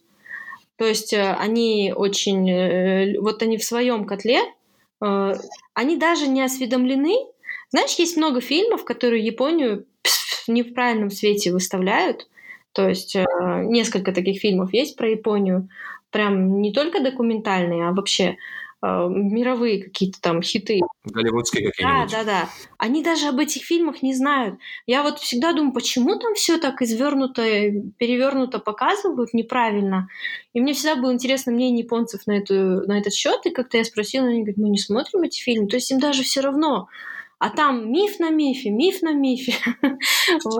То есть они вот они вот в своем государстве, они не так легко воспринимают другую информацию. Они вот это считают правильным. У них вот эта философия «мы», коллективное «мы», э, то есть ценность общества важнее собственной ценности. Э, все действия направлены на то, чтобы улучшить общество, а не свою жизнь. Если посмотреть, у нас все в противовес в СНГ. Каждый думает о себе и о своей семье, правильно? Вот, поэтому они там любят в одной компании до гроба работать. Потому что это как бы, знаешь, вот э, это как бы твоя семья, твоя жизнь. Ты типа всю жизнь же а в, а в одной семье, да, то есть это же хорошо, когда у тебя один спутник э, на всю жизнь, одна семья. А также у них вот с работы. Э, вот, и они себя всецело посвящают этому, и у них действительно большой кризис случается, если им приходится уходить с этой работы. Я часто слышу, что у них там а, причина суицидов это как раз-таки потеря работы. А, да, такое бывает. Там а, есть этот а, лес а, самоубийц. Ну, я на самом деле... Да, есть такой минус. Вот это, ну, знаешь, у всего есть побочные эффекты на самом деле. Да. У всего есть побочный эффект, у любой пилюли есть побочный эффект. Но то, что они как бы делают, э, то есть плюс от этого, это намного выше. Э, то есть у них совсем другая организация жизни, если ты на это посмотришь. Элементарно, даже в маленьких э, каких-то деталях ты видишь вот везде все продумано даже вот сейчас не могу, ну, у них даже для туалета отдельные тапочки, знаешь, у них э, в университете вот в лаборатории все ходят в тапочках. Например, если ты что-то в поезде там покупаешь, если ты жвачку покупаешь, там у нее автоматом идет какая-то штука, откуда ее выкинуть, э, в чем ее выкинуть можно. В общем, настолько все продумано и компактно. Но видишь, э, то есть они были вынуждены, да, э, компактно жить. То есть многим из-за этого Япония не нравится. Они говорят, я не смогу жить в Японии, там такие маленькие квартиры, там все так это. Но вот нам повезло, да, казахстанцам, что у нас так много земли. А, вот. А, а вот они смогли при такой маленькой территории все-таки это все. Ну, есть такой побочный эффект, да, депрессия, она у всех там случается. А, у меня есть несколько студентов, магистрантов, с кем я работала, у кого была вторым руководителем зарубежным. И они мне говорили после поездки в Америку, блин, Пакита, мы увидели, как люди живут. Они для себя живут. Это, конечно, круто. То есть как будто бы, знаешь, их выпустили из какой-то клетки, а, но они потом говорят, ну все же, блин, что-то не то, как-то себя не так чувствуешь. Мой руководитель, например, Ацуши Сенсей, он тоже в США много лет жил, и сейчас вот ближе, то есть ему там 60 лет или сколько он говорит, блин, все-таки это правильная философия, когда ты все для общества делаешь, ты себя лучше чувствуешь. Я сейчас жалею, что уехал из Японии, но уже как бы вернуться сложно. Вот. То есть это такая философия, что делать, да? Общество улучшать или сугубо быть эгоистом и работать только ради себя и своей семьи? Вот. Ведь если все будут для общества работать, понимаешь, всем будет лучше.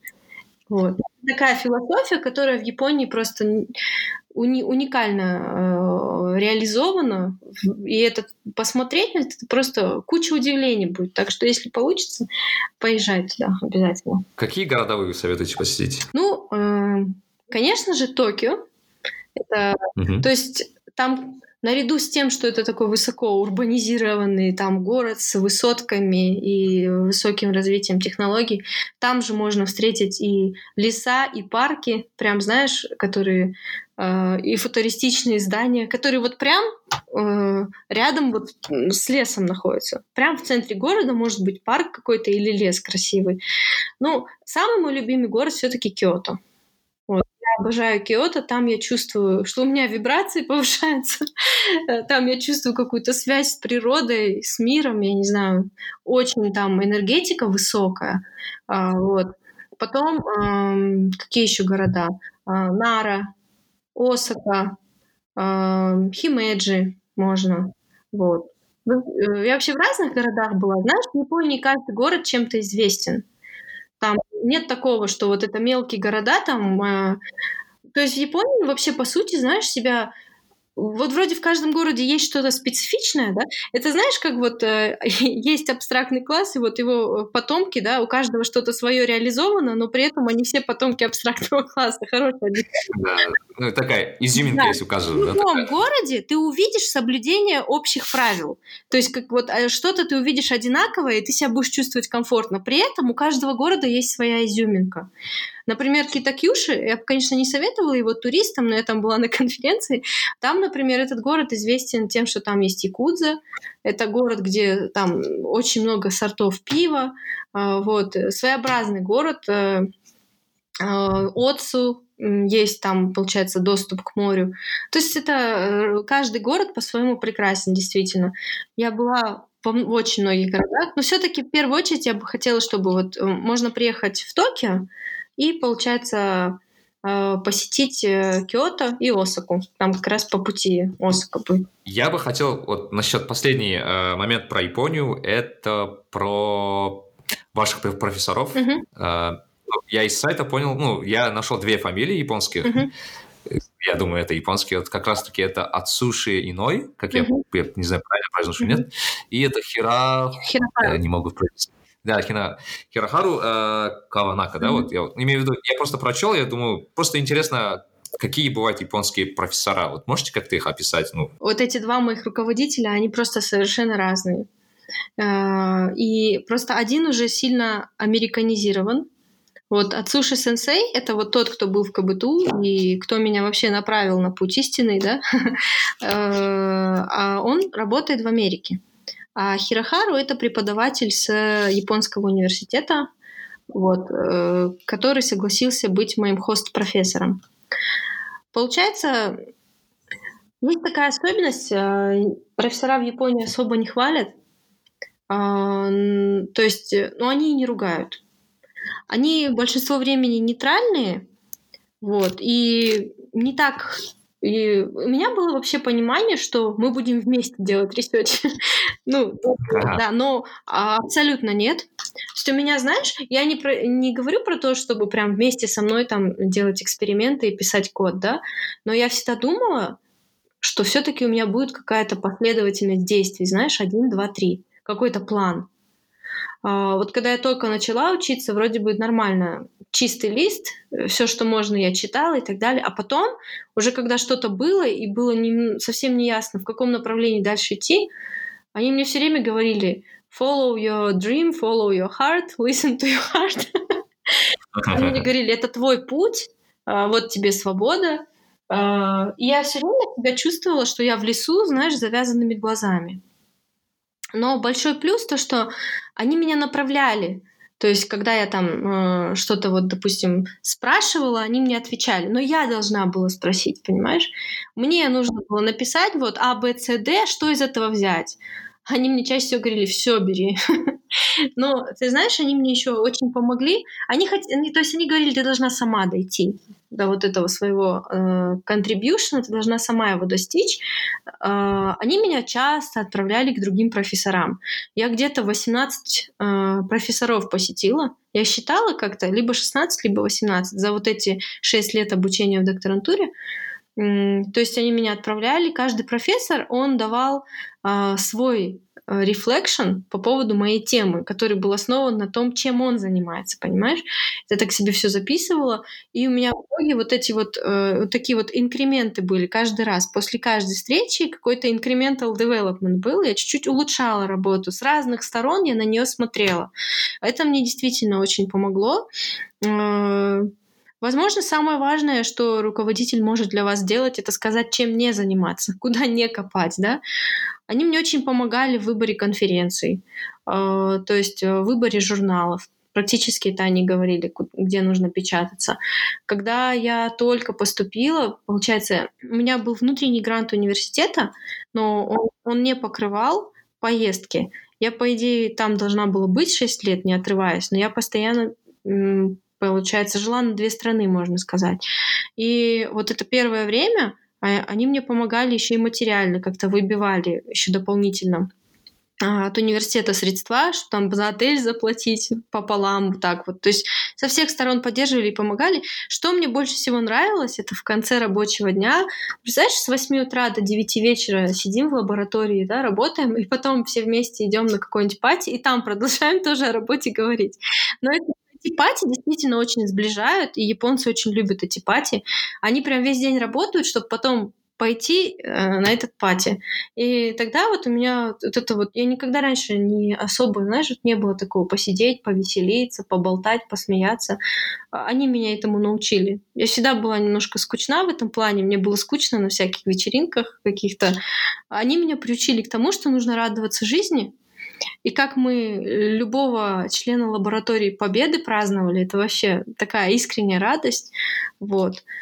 А, то есть я могу сказать, что э, руководитель там как друг, есть, конечно, определенная дистанция, но он не ставит себя выше намного, так что там может что-то...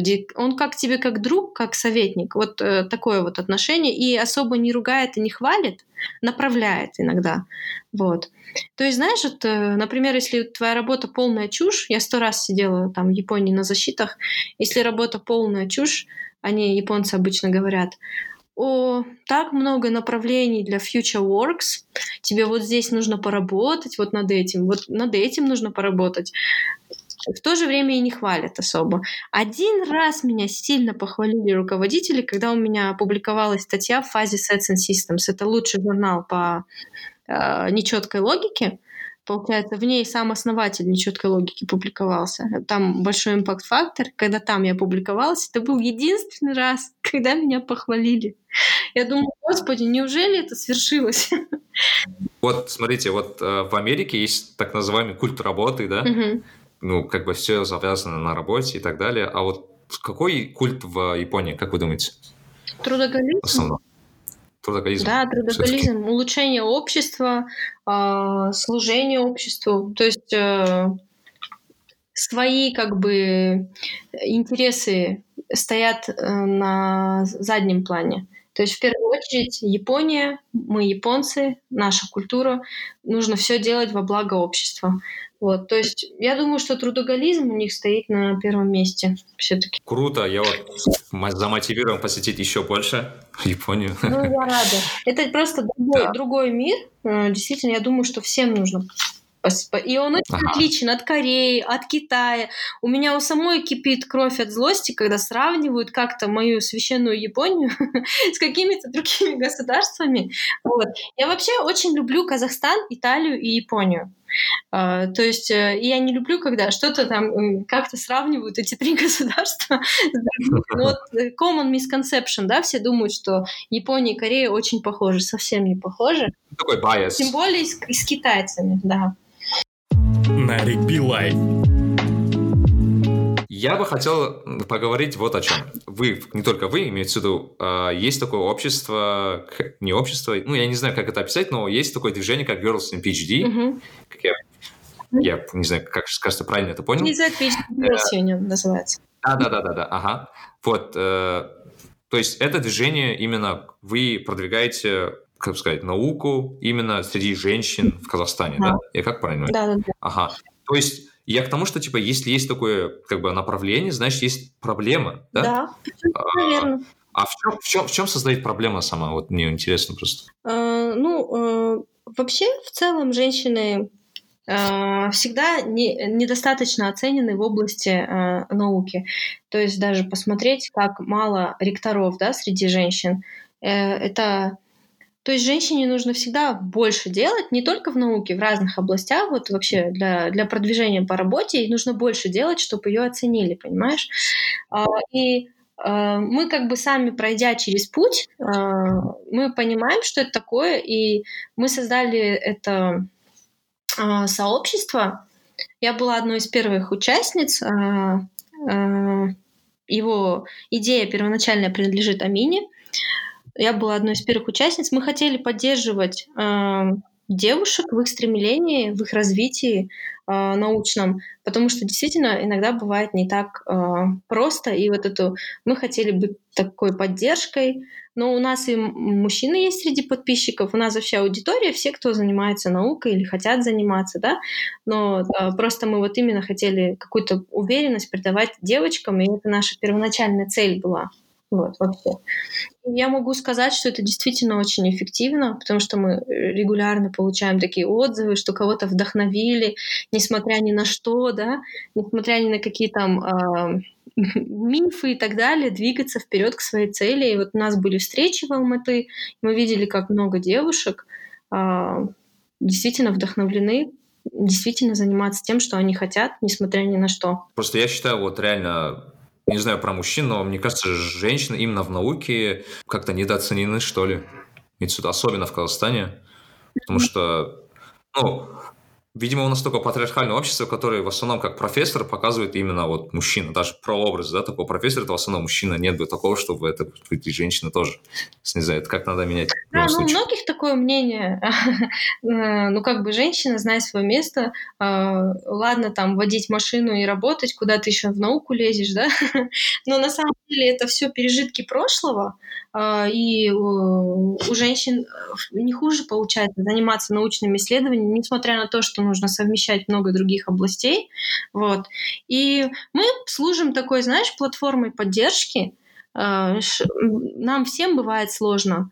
Особенно девушкам бывает чаще сложно, потому что у них еще все это, знаешь, девочки как раз, которые вот в возрасте, когда они делают PhD, это как раз возраст, когда э, нужно э, уже такой возраст, когда люди заводят семьи, заводят детей, и вот, э, получается, очень многие сталкиваются с тем, что как бы э, общество осуждает это, ну, типа, в первую очередь там реализуй, для чего ты была создана, да, ты была создана вот для этого, э, свою детородную функцию нужно воплотить, после этого там о чем-то Мы вообще хотим с разных сторон, мы хотим показать, что это не препятствие, и это не преграда, да, и более того, это даже может помочь. То есть нужно делать то, что хочешь. Мы хотим, у нас есть много примеров, у кого есть дети, семейная жизнь, и они активно занимаются наукой.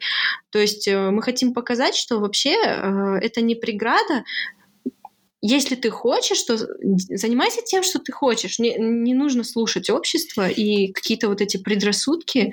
У меня Следующий вопрос, ну, скажу так, я часто слежу за вашим инстаграмом в особенности и у, просто умиляюсь, как вы э, общаетесь со своими детьми, особенно со старшим сыном. Э, как он его Заке зовут? Вы Заке его называете, да? Да, его Зелан зовут. А, да. Его Зелан зовут. Он ходил у меня в казахский детский садик год. Его там начали Заке называть, и это ему на всю жизнь приклеилось. Круто. Я прям так и подумал, как бакет, жакет там. Вот. Как удалось совместить э, работу с семьей? Мне вот, ну, вот имеется в виду преподавание, потом наука и семья. Это же, ну, это очень ну, нелегкая на самом деле задача, особенно для женщин. То есть, как вам это удается? Ты знаешь, э, я всегда слушала свое сердце. Э, если ты можешь вот что-то представить в голове, значит, ты этого можешь достичь. То есть вот если ты действительно вот можешь представить, что ты этого добьешься, значит, у тебя высшие силы пришлют силы, чтобы ты этого добился. То есть на самом деле мы часто себя недооцениваем, мы действительно можем свернуть горы. И э, я просто делала то, что я люблю. То есть э, я завела семью, например, э, вышла замуж не потому, что там время пришло, я, кстати, достаточно рано вышла замуж, все время зарекалась, что сначала поднимусь, потом выйду замуж. Ну вот никогда не говори никогда, да? Когда я почувствовала, да. что этот момент пришел, Uh, а, то есть я вышла замуж. Когда я почувствовала, что я готова поступать в докторантуру, я поступала в докторантуру. Да, мне было страшно, то есть у меня был ребенок маленький, я думала, как я буду все это совмещать, но мне сердце, то есть uh, у меня был импульс в сердце, понимаешь, желание было. Если есть желание, то можно вообще все, всего добиться. Это больше даже не о времени. Мне часто, я думаю, неправильно задают вопрос. Мне часто люди говорят, где ты время на все находишь? Мне кажется, правильный вопрос, знаешь, как строить, а где ты энергию на все находишь? Да, энергия важнее на самом деле. Вот, то есть э, я вообще управляю не временем, а управляю энергией. Если у меня нет энергии, я за пять дней ничего не сделаю но я могу за два часа, когда я в состоянии потока, я могу просто таких результатов добиться, да, а, и а откуда эта энергия берется? То есть э, она берется как раз-таки из любви к тому, что ты делаешь. То есть э, меня на самом деле моя семья поддерживала всегда. А, у меня, слава богу, две мамы, две папы. Ну, муж, разумеется, это наши общие дети. Мне часто говорят, а муж помогает? Меня этот вопрос вообще удивляет. А как он может не помогать? Для меня ненормально, если отец не участвует в воспитании детей. Поэтому мне, когда говорят, а кто помогает, я перечисляю, мне говорят, а муж? Я говорю, ну он-то разумеется, это же его. Он в априори, да, помогает? Его дети. это же не только мои дети. То есть, да, мне все помогали, на самом деле, нам, э, и родители, и сестра моя какое-то время э, даже переехала ко мне, чтобы помогать с воспитанием. То есть, э, и меня дети даже подталкивали я вообще не ощутила сложностей, вот то, что я как-то разрывалась, мне именно я переживала больше, что я что-то не успею, а на самом деле дети меня только поддерживали, сын мне старший все время там сок выжимал, кофе приносил. И даже когда они были меньше, они были послушные, и я их убаюкивала, бывало, тем, что читаю что-то, и так э, мелодично читаю, они засыпают. были Научную статью? Да, я читала научные статьи с телефона, так, знаешь, слегка подпевая. Вот. И они засыпали. Ой, у меня так много песенок было. Знаешь, я когда их спать укладывала, я там пела а, System Out Print LN. Я до сих пор вспоминаю, мне так смешно. Это я, знаешь, кодировала их в будущем, чтобы они стали программистами. Э, я еще песни пела а, «Мамин сладкий программист», «Мамин сладкий программист». Вкладывала их с детства. То есть, э, наверное, знаешь, э, нехорошо по что-то одно уходить, я считаю, осознанно. Нужен баланс. Бывает иногда, что так получились, а, так сложились обстоятельства, да, ну, не встретил ты свою вторую половинку э, там и ушел, допустим, в работу. Нет, а иногда люди осознанно. Нет, я сейчас не буду ничего там с личной жизнью делать. У меня сейчас время, когда я должна там, не знаю, заработать, купить квартиру или подняться по карьерной лестнице. Я считаю это неправильно. А, вот эта вот система у нас как солнце, да, и разные лучи. То есть вот семья, а, развитие, саморе... Э, то есть самореализация, работа, вот, э, то есть дети, спорт, вот это все вместе должно гармонично вот, то есть я считаю, что нужно думать о развитии всех областей. В какой-то момент, возможно, больше внимания уделять другой области, потом на смену ей придет какая-то другая область, которой ты в основном основное свое время уделяешь, да. Но по сути, я могу сказать, что семья мне только помогала. То есть мои дети, мой супруг, вот это все мне только помог, помогало э, учиться докторантуре, там работать и так далее. Никогда не было препятствием.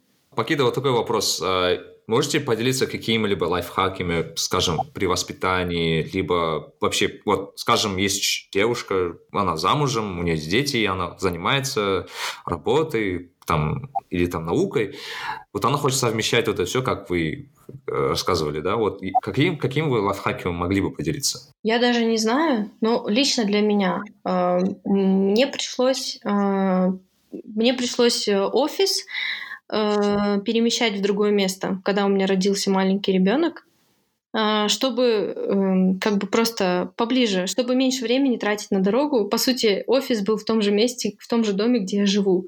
Я просто спускалась на другой этаж. Вот. То есть тратить минимально времени на дорогу.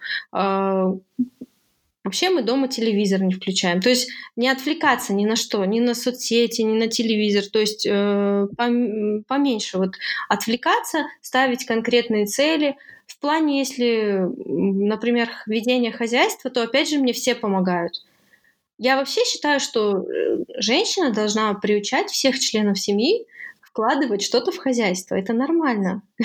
Мы все вместе живем в этом доме, да, как бы все должны в какую-то свою лепту внести. Мне дома все помогают. Э, даже младший там что-то подметает, хоть он еще больше ссоры разводит. Он хотя бы чувствует свой вклад, да? Он уже, например, э, даже вот вчера, я помню, он там что-то рассыпал, и старший принес пылесос, он говорит, я сам, и сам пропылесосил за собой. То есть я считаю, это неправильно, когда все сваливается на плечи женщины. Я многие продукты замораживаю. А, то есть э, все там кучу теста могу наделать на месяц вперед. На готовку я много времени не трачу.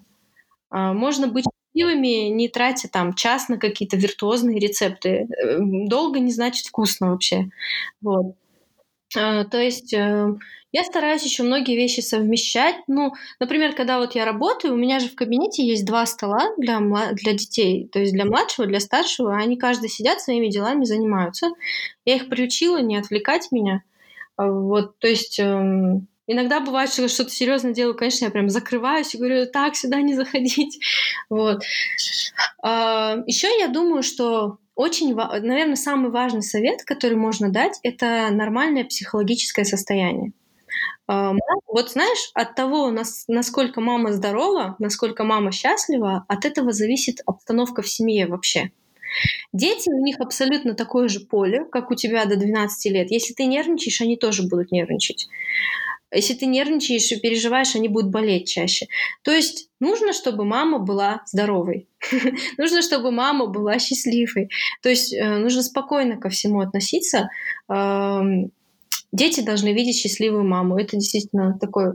Это, знаешь, я к этому не сразу пришла, а, но это действительно, оказывается, вот очень сильно влияет на детей. Они, когда видят, что мама переживает, им это как импульсом передается. Но в плане воспитания, да, я за умных каких-то книг особо не читала. Я пытаюсь просто всегда хороший пример подать. Вот. Например, э, ну, мои дети не едят конфеты. Э, ну, дома есть иногда там какие-то не совсем вредные там или веганские конфеты, или там какие-то сушки, допустим, да. Ну вот как можно заставить детей не есть конфеты? Например, как э, когда у моего сына два года назад, у старшего, там какие-то проблемы были с желудком, ему диету назначили, мы все в семье перестали есть конфеты. И это нормально, вообще безболезненно прошло. То есть э, мы друг друга поддерживаем. Я очень часто слышу, блин, а твои дети сидят в айпаде, я говорю, ну, как бы сидят немножко, да. А как сделать, чтобы они не сидели? Я говорю, самой не нужно сидеть в телефоне при них часто. Дети полностью нас э, имитируют. Мы для них весь мир. То есть они на нас смотрят и делают то же самое. Если ты хочешь, чтобы дети были послушные, воспитанные, нужно себя таким показывать. Но это очень сложно. Это очень сложно. Я всег... Меня дети многому научили. А, я что-то, прежде чем что-то сказать детям, я это пропускаю через себя, думаю, так, как это на них повлияет. Вот. То есть, а так, таких вот особых секретов каких-то нет. Вот, наверное, просто любить то, что ты делаешь, а, всегда оставаться на позитиве, дома должна быть гармоничная атмосфера, не нервная, что там у меня дедлайн, выматывайтесь, да? Такого не должно быть. И как бы все должны вместе трудиться и все помогать должны, я так считаю. У меня быстрый вопрос. Кажется, я то ли вчера, то ли позавчера видел, как ваш сын жаловался на ваше количество файлов факсов у вас на столе. А, почему такая любовь к этим файлофаксам? Если объясню, файлофаксы — это такие блокнотики, как я понял. Ну, это органайзеры на кольцах, вот. Uh-huh. А, ну, на самом деле, он просто у меня давно просит файлофакс один, в котором и я все не могу решиться и подарить ему, потому что, э, потому что я его очень сильно люблю, но, наверное, я все-таки подарю ему. Ну, э, мои дети вообще ревнуют меня ко всему, что я люблю. Они меня ревнуют и к компьютеру, и к файлофаксам меня ревнуют. Вот. Они меня даже к мужу ревновали, когда маленькие были. так что это нормально ревновать, да? Я просто, они видят, как я, знаешь, щепетильно там чуть ли не целую эти файлофаксы, пылинки сдуваю, аккуратно ложу и не разрешаю трогать, и поэтому они так относятся. Э, на самом деле, э, вообще, э, файлофакс, получается, почему они мне так дороги? Они мне на самом деле помогли э, немножко вот, я же говорила про солнце и разные области в жизни, да, они мне помогли гармонию навести. То есть э, меня больше всего сбивает с толку смешение, смешание контекстов, знаешь. То есть вот дефокус — это вообще мой ад. Я не понимаю, как люди один туду список ведут, да, где там может быть, не знаю, написать статью и купить детские витамины, да, в списке. Купить, купить капусту, приготовить борщ и э, там же рядом, не знаю, почитать статьи э, или, не знаю, написать алгоритм, да. Э, то есть как же, есть же MVC, да? Я тебе как программисту пытаюсь объяснить на, на этом. Да, да, да. То есть я тоже как IT-спец, я то есть такой же подход применила при планировании. Максимально, да, э, компоненты должны мало друг о друге знать. То есть э, вот, э, у меня есть, но у меня есть абстрактный один файлофакс, где в целом какие-то долгосрочные цели, то есть вся моя жизнь, какие-то планы на будущее по каждой из целей. А дальше уже идет файлофакс для каждой области. А, то есть э, я, получается, при помощи Filofax а могу разделить свою жизнь, по каждой э, области ставить цели на месяц, на год, на день э, и следить за этим. Еще, то есть в Filofax е Получается, почему это именно в Filofax е возможно, а не какие-то другие блокнотики надо использовать? Просто я к чему вот пришла, то что э, там очень много разных наполнений есть, инсертов, да, более двух тысяч. И ты можешь в зависимости от специфичности своей области нужные инсерты вставить, и получается в твоем блокнотике будет полностью структура, которую ты сам придумал. Опять же, вот, вот этот мой навык, то, что исследователя, да, то, что я curiosity, как ты сказал, да, то есть э, мне хочется создавать самой что-то, то есть вот есть не какая-то навязанная структура, я ненавижу блокнотики, в которых есть какие-то структуры, знаешь, типа вот тебе туду, а здесь тебе вот это. То есть мне оставалось, мне нравилось самой придумывать структуру и ей э, следовать, и как раз-таки файлофакс в этом помогает. Еще у меня с детства была такая привычка забрасывать блокнотики, знаешь, ты начинаешь такой блокнот, красиво пишешь, а потом там бардак. Вот. И получается, в файлофаксе можно просто выдернуть листочек и все. То есть да, там можно перенос компонентов делать из одного в другое там э, и так далее. То есть э, еще все, что абсолютно я слышу, любая информация, у меня все идет Filofax нужный. То есть это как, это система Getting Things Done, то есть как inbox, да, у меня есть каждому Filofax у, э, не каждому, sorry, к двум Filofax ам есть свой inbox. То есть любая информация, которую я слышу, которая представляет для меня ценность, я все пихаю в inbox, потом все это в нужные области распределяю. То есть, знаешь, у нас сейчас как? Что-то в инсте... Вот, допустим, как ты хранишь список фильмов, которые хочешь посмотреть? У меня, например, есть отдельная глава в Filofax е. Книги, которые хочу прочитать, и фильмы, которые хочу посмотреть. А ты как, например, делаешь? Ну, у меня в Trello все. А, у тебя в Trello. Кстати, это хорошо хорошо, ты, возможно, э, то есть вот эта система Getting Things Done, ее можно реализовать хоть где. хоть в электронных каких-то устройствах, э, то есть в приложениях, например, вот Trello или Wunderlist, да. Просто раньше, как я делала, могла что-то сохранить, да, вынести, могла что-то там скриншот сделать, что-то куда-то записать, да. В итоге вся эта информация разрозненная. А я себе дала обещание вообще все теперь записывать файлофакс, и моя жизнь гораздо э, проще стала. Организованнее. Может. А можно вопрос такой? Просто сейчас же все идет к электронным вариантам, а вы прям вот по классике пишете. Просто я к тому, что я вот э, автор того же Getting Things Done, я просто с ним виделся. О, он живет в, в, в Амстердаме живет, он даже с фоткой с ним есть. Круто. Очень прикольно. У него там, кажется, под 70 лет. Ага. Очень интересный мужчина. К нему были вопросы о том, что, например, почему вы... Ну, он в книгах писал про вот эти блокнотики. Uh-huh пацаном. В оригинале он говорил, что у него там много блокнотиков, он в папке вот эти кидает, а потом говорит, что типа, ну сейчас это не нужно, потому что все идет в электронный вариант. Mm-hmm. А, вот.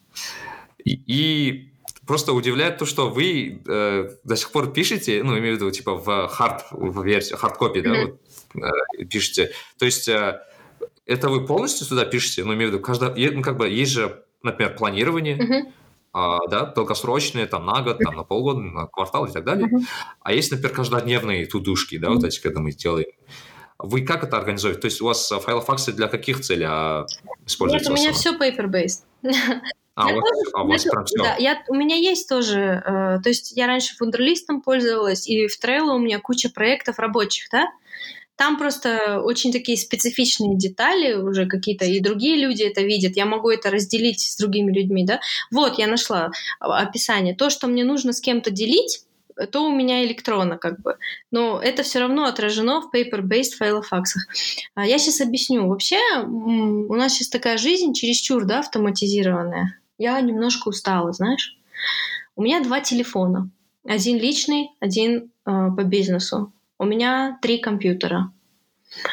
Uh, у меня там вот эти наушники, часы, iPad. Все вот это надо заряжать, да? Я вообще устала от вот этого, от электронных устройств. У меня уже перенасыщение. Мне даже иногда статью легче написать на бумажке, знаешь. Uh, это одно объяснение. Второе объяснение. Я чувствую больше энергии больше вибраций. Там, где я написала своим собственным почерком, разукрасила, как я хочу, а, там нужный эмфазис сделала. Мне приятно перелистывать и чувствовать эмоции, которые я а, почувствовала, когда это писала. Это меня вдохновляет. А, Все-таки электронных приложениях все как-то мертвое немного, знаешь. Вот э, когда ты это пишешь, это то же самое. Вот я книги люблю, например, э, не электронные читать, а настоящие. То есть мне приятно взять файлофакс и пройтись по ним, как по, по нему, как по странице, по страницам своей жизни. И я чувствую там больше энергетики, и я точно больше идей генерирую. Вот. Но абсолютно разницы нет. Можно использовать э, и какие-то приложения для планирования. Вот. Просто Файлофакт мне больше нравится. А как это происходит? То есть у вас э, есть, например, э, ну, скажем, вот э, у вас есть план на сегодня, вы, у вас есть отдельный файлофакс для сегодняшних дел, да, или их, или их несколько? А, сейчас объясню. У меня, получается, сейчас есть ежедневник от Э, где я пишу вот прям что, где я пишу, например, сегодня там в 5 э, часов у меня подкаст на регби, да, вот такие вещи я там пишу. Мне не нужно информацию, что у меня в 5 часов подкаст на регби, файлофакс засорять этой информацией, потому что это было и прошло. Это вот как раз-таки для ежедневника. А, получается, раньше я просто специальное наполнение, которое для ежедневников по датам есть, я его использовала в файлофаксе. Можно прикрепить, но сейчас мне удобнее, когда отдельный ежедневник. У меня есть отдельный файлофакс, вот получается абстрактный, где только high-level plan, архитектура всей жизни по разделам. У меня есть сейчас такие разделы, как э, бизнес, э, наука, э, преподавание, личное, э, здоровье, э, семья. Вот такие разделы, они все в абстрактном файлофаксе. Потом у меня есть еще отдельный файлофакс для изучения английского, э, для преподавания, для науки, а, для бизнеса и вот недавно для веганства завела. А, и получается, там уже делится э, каждой из этих областей. Допустим, английский там делится на какие-то там, где идиомы, где у меня просто слова, тоже разные структуры могу делать. Теперь, допустим, если сегодня у меня в планах заниматься наукой, да, то я беру файлофакс, который по науке, и свой ежедневник. Все очень просто. То есть э, э, я вот э, буквально в день использую, может, э, ежедневник каждый день и какой-то из файлофаксов. Мне нравится, что у меня все разделено и не каша. Круто. Мне кажется, вам нужно написать туториал, как по ним делать. А я немножко написала что-то в инсте. Вот. Да?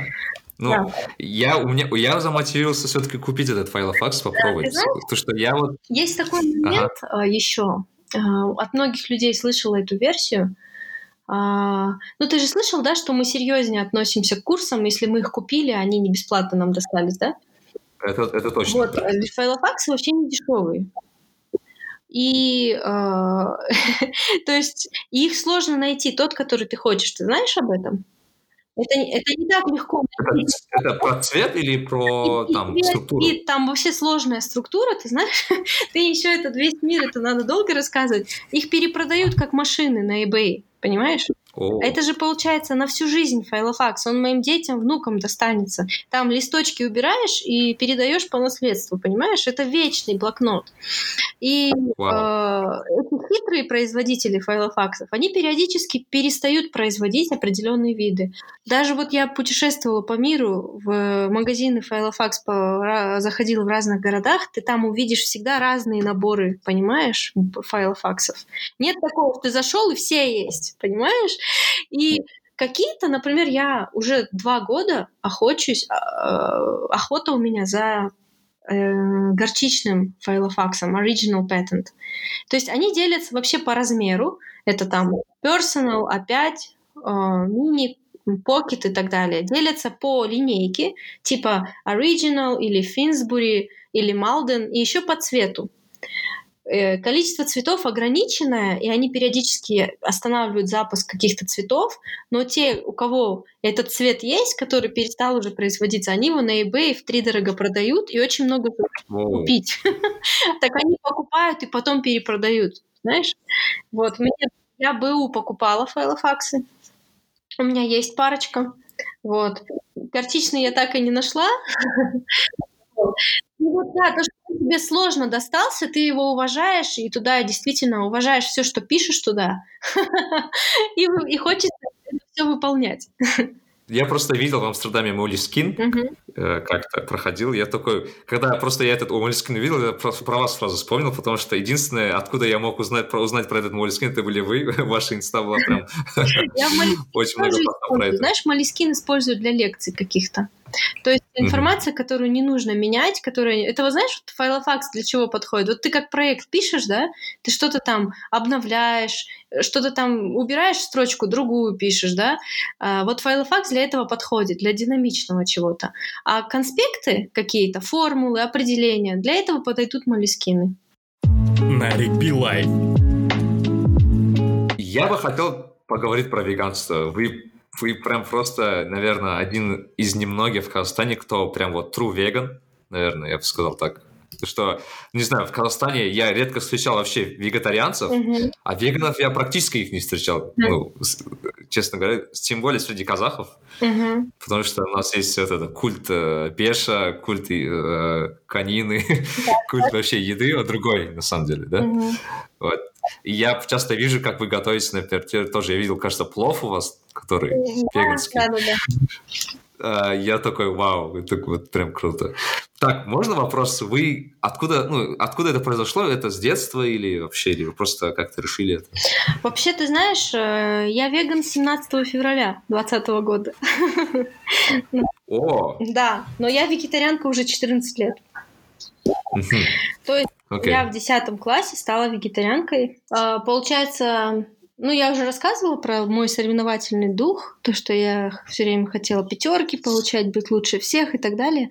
А, а, и получается, я летом как-то занялась спортом, это вот было, когда 10 класс закончила, и познакомилась с ребятами, там, помню, э, два парня, две девушки, они были профессиональными спортсменами, И меня настолько задевало, что они вот на стадионе меня обгоняют, знаешь. И вот они, они были все вегетарианцами. Это я сейчас понимаю, господи, это было 14 лет назад. Тогда было очень мало вегетарианцев. Что вообще должно было случиться, чтобы они мне попались на пути, понимаешь? Сразу четыре вегетарианца, да? Ну, они мне посоветовали книжку а, Алана Кара. И я такая думаю, ну окей. И они мне потом сказали, ты типа просто протестируй, посмотри, как на тебя это повлияет. Ты знаешь, э, у меня с детства было вот это качество ученого во всем сомневаться. Я, по сути, ни во что не верю. Критическое мышление я такое. Во всем да? сомневаюсь, во всем, что я слышу. При том, что я доверяю людям, меня очень легко обмануть в плане вот на чувствах моих сыграть. Я доверяю всегда людям. Но когда я получаю какую-то информацию, у меня сразу в голове вопросики, вопросики, вопросики. То есть, э, и я скептически э, отнеслась к этому. Э, и, получается, просто решила посмотреть, как меня будет свой, мой организм вести. Да? Я, получается, на месяц отказалась от мяса, и я удивилась от того, насколько я себя стала хорошо чувствовать. Я стала просыпаться в 5 утра. То есть у меня сократилось время сна. Я стала себя чувствовать окрыленной. То есть я уже тогда ходила на шахматы, на математику, уже готовилась к ЕНТ, и был загруженный день у меня. Вот, и мне прям это помогло стать более продуктивной. Потом я начала уже изучать это. Когда я убедилась, что в этом что-то есть, тогда я начала это глубоко изучать. Э, вот. И очень много интересных фактов узнала. Э, ну, например, э, я знаю, что, знаешь, вот если гуглить прям плюсы и минусы вегетарианства, да, это не совсем достоверная информация, потому что как бы это мясная индустрия, это огромные деньги, и нужно, да. нужно просто отдельные факты записывать. Например, можно посмотреть строение плотоядных, строение растительноядных и подумать, а человек на кого больше похож, да, и строение человека. То есть я старалась именно с физиологической точки зрения сначала понять, а там есть разные, это очень сложный вопрос, знаешь, там черт ногу сломает вообще разбираться в этом всем, но я вот продолжаю учиться до сих пор что-то изучать, хотя раньше более интенсивно это было. То есть вот у нас, по сути, у нас нет генетической предрасположенности есть мясо. И я считаю, что вегетарианство и веганство это наоборот возврат к истокам. А, вот, потому что, вот смотри, у нас нет клыков. У нас среда желудка щелочная, а не кислотная. У плодоядных она кислотная. А, потом у плотоядных кишечник в три раза короче а, тела, а у растительноядных и у человека то есть кишечник в три раза длиннее тела, а у плотоядных в шесть то есть у плотоядных в три раза, у человека и растительноядных в шесть раз. То есть когда плотоядные едят мясо, у них вот этот меньше и кишечник, и получается э, токсины не, не загрязняют организм. А у человека, так как э, строение предус, предусматривает э, потребление огромного количества клетчатки, она как бы для нее нужен вот этот э, более долгий путь. Но это вот если к физиологическим обращаться, э, ну, самое, знаешь, ладно, окей, забросим это. Я уже сама немножко забыла вот эти цифры, но их можно всегда найти. Просто погуглите строение растительноядного, строение плотоядного, строение человека. И посмотрите про пищеварительную систему. А, есть такой простой пример, да? Все плотоядные, они хищники. Вот это первое, что такой большой инсайт у меня произошел в 10 классе. Да. Подумал, плотоядные хищники, вот, э, родился там котенок, он чуть-чуть вырос, он уже нападает на все, что двигается, правильно? Но почему же, если мы ребенку дадим яблоко и кролика, он не начнет грызть этого кролика? Почему он будет яблоко кушать, а с кроликом играть? Почему у нас нет этих инстинктов? Почему мы не впиваемся э, барашку? Вот проезжаем мимо, например, э, стада барашков, у нас же не возникает идеи побежать и впиться зубами, да, и поесть это мясо. Нет, нам нужно, чтобы это качество все качественно обработали, заправили кучей специй, и мы уже вообще забываем про то, что это. Понимаешь?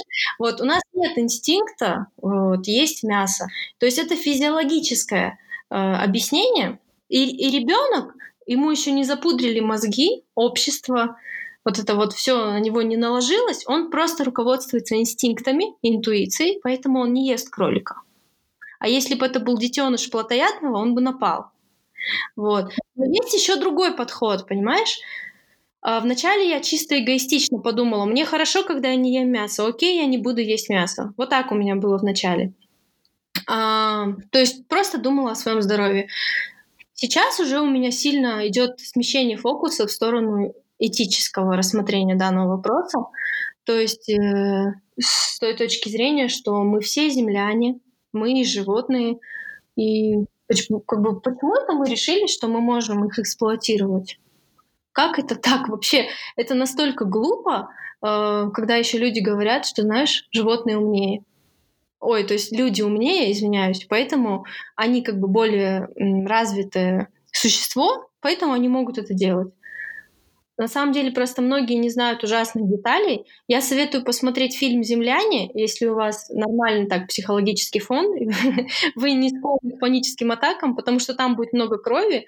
Но если э, вы все-таки немножко э, не настолько подкованы психологически, есть еще фильм э, «Forks over Knives», то есть вилки вместо ножей. Uh, вот этот фильм без всяких ужасных подробностей uh, насчет uh, мучения животных, просто сухая статистика, да. А, получается, вот я всегда такой пример еще привожу с коровами. А, я впервые задумалась о веганстве вообще, когда у меня сын родился старший. То есть я спокойно потребляла сыр, молочные продукты, яйца, да. А, долгое время была вегетарианкой. Потом, когда у меня родился сын, и а, он был на грудном вскармливании, я такая думала, блин, как природа устроена идеально. У тебя рождается ребенок, у тебя, э, то есть идеальное для него подходящее молоко. Как же природа наша все это гениально придумала? И потом вот я тогда стала задумываться, блин, почему же мы коровье молоко пьем, люди? Как это как это возможно? Если это естественно, подойди к корове и пей это молоко естественным образом. Почему тебе противно? А, я начала об этом задумываться тоже. Еще тогда у меня первые мысли появились о веганстве. А, вот. Потом на какое-то время это все притормошилось докторантурой. Я ни о чем больше не могла думать так сильно. И вот недавно, окончив докторантуру, я опять вернулась к этому вопросу. А, то есть вот смотри, на самом деле многие люди говорят, животные были созданы, чтобы люди как бы их использовали в еду, да? У меня сразу один вопрос, просто один вопрос. Если животные были для этого созданы, почему, чтобы корове дать нам молоко, ей нужно сначала забеременеть и родить? Почему? Почему природа так устроила? Я спрашиваю людей, которые начинают со мной спорить. By the way, я никого никогда не заставляю, не там, не, как сказать, не мотивирую, не, присты, не пристыживаю, там, не говорю какие-то слова, там, становись вег, веганом, вегетарианцем. Нет, чаще всего люди на меня нападают, знаешь? И тогда я раскрываю пасть и начинаю спорить. А меня не трогают. Я вообще считаю, что это как бы каждый должен к этому сам прийти. Это как религия, понимаешь? Да. Поэтому я никого, ни детей, ни мужа не заставляла. То есть они сами к этому пришли. А, и вот, получается, подумаем, мы корову насильственно оплодотворяем. Она, значит, вынашивает теленка, рождает этого теленка, у нее приходит молоко не знаю, мне кажется, мы достаточно умные люди, э, мы летаем в космос, э, такие вещи делаем, но неужели мы не можем прийти к выводу, что после рождения теленка молоко, которое выработалось у коровы, оно для этого теленка, а не для человека? Ну да, тоже, даже чтобы выдать это молоко, да. нужно сначала же подвести теленка. Вот именно. Она же потом только выйдет. Вот так, как еще корову искусственно оплодотворяют. Теперь, э, когда люди говорят, окей, ну там столько витаминов, мы к этому вопросу еще вернемся. Там нет витаминов, э, там очень много вреда.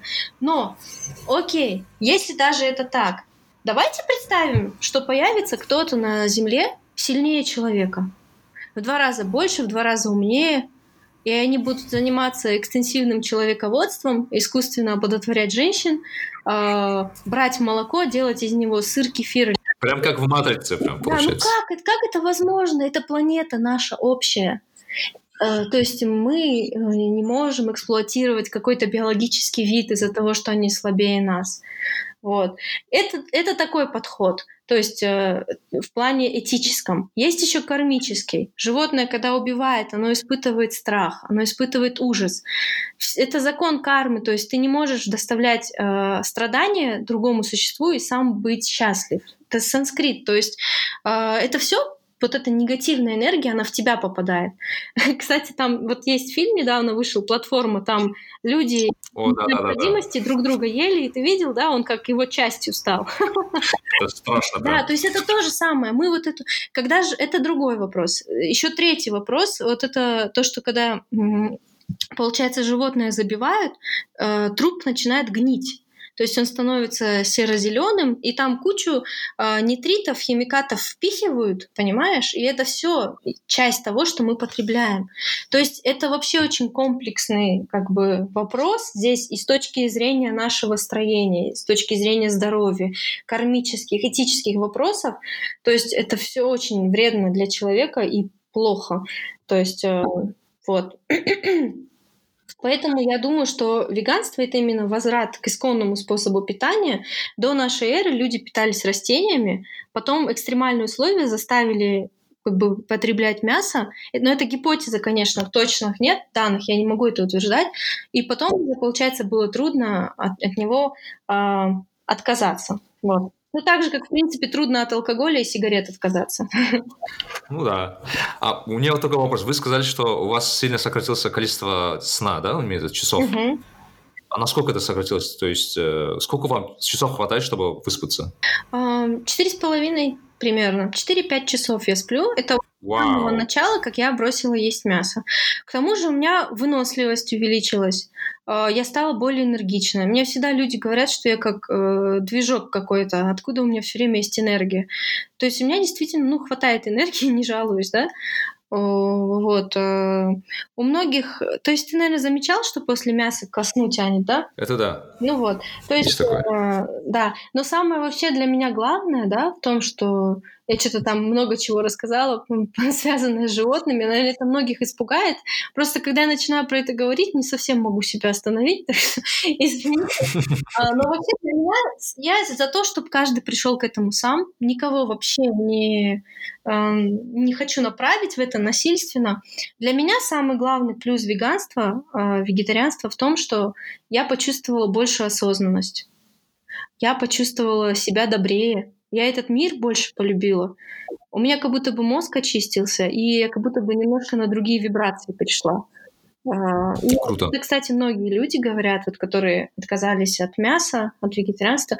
И что хотела сказать, не обязательно, да, вот прям полностью отказываться. Это сложно достаточно для человека, который всю жизнь к этому привык. Нам вообще сложно от, от каких-то привычек избавляться, да. Но можно хотя бы просто потреблять больше а, овощей, фруктов, злаковых, орехов, а, ягод, бобовых и мясо. Клетчатки. Да. И мясо два раза в неделю, например, есть. Ну, можно с этого начать, да? Вот. Или как э, потреблять рыбу побольше вместо мяса. Вот. То есть и вы сами почувствуете, даже полностью не отказываясь от мяса, а просто слегка уменьшив его количество, вы себя лучше почувствуете. Вот. Э, я вам гарантирую. Так что попробуйте. А у меня только последний вопрос по этой теме. Mm-hmm. Вот э, я на самом деле пробовал какое-то время, кажется, вот попробовать быть вегетарианцем. Mm-hmm. И что я первым почувствовал, это чувство голода. Имеется в виду, э, она приходит чаще, чем я кушал мясо. То есть, грубо говоря, я в обычные дни там кушал там э, три раза в день, mm-hmm. и это было нормально. А когда я был, когда я не ел мясо, ну, как-то я быстро голодал, имеется в виду. Мне такое ощущение, что было как бы как будто энергии меньше становилось, ну, должен или это, не знаю, или я не привык. А, Вообще есть такое? Да, ты знаешь, это вот, то, это вот я всегда привожу аналог э, с курением и с алкоголем. То есть мне все, знаешь, что говорят? Э, я еще очень много людей обратила в вегетарианство. Где-то человек 20-30 точно. И вот э, когда люди на пути выступления, они мне говорят, блин, а я хочу мясо, мой организм требует. Значит, ему надо. Но также сложно избавляться от любых привычек вообще.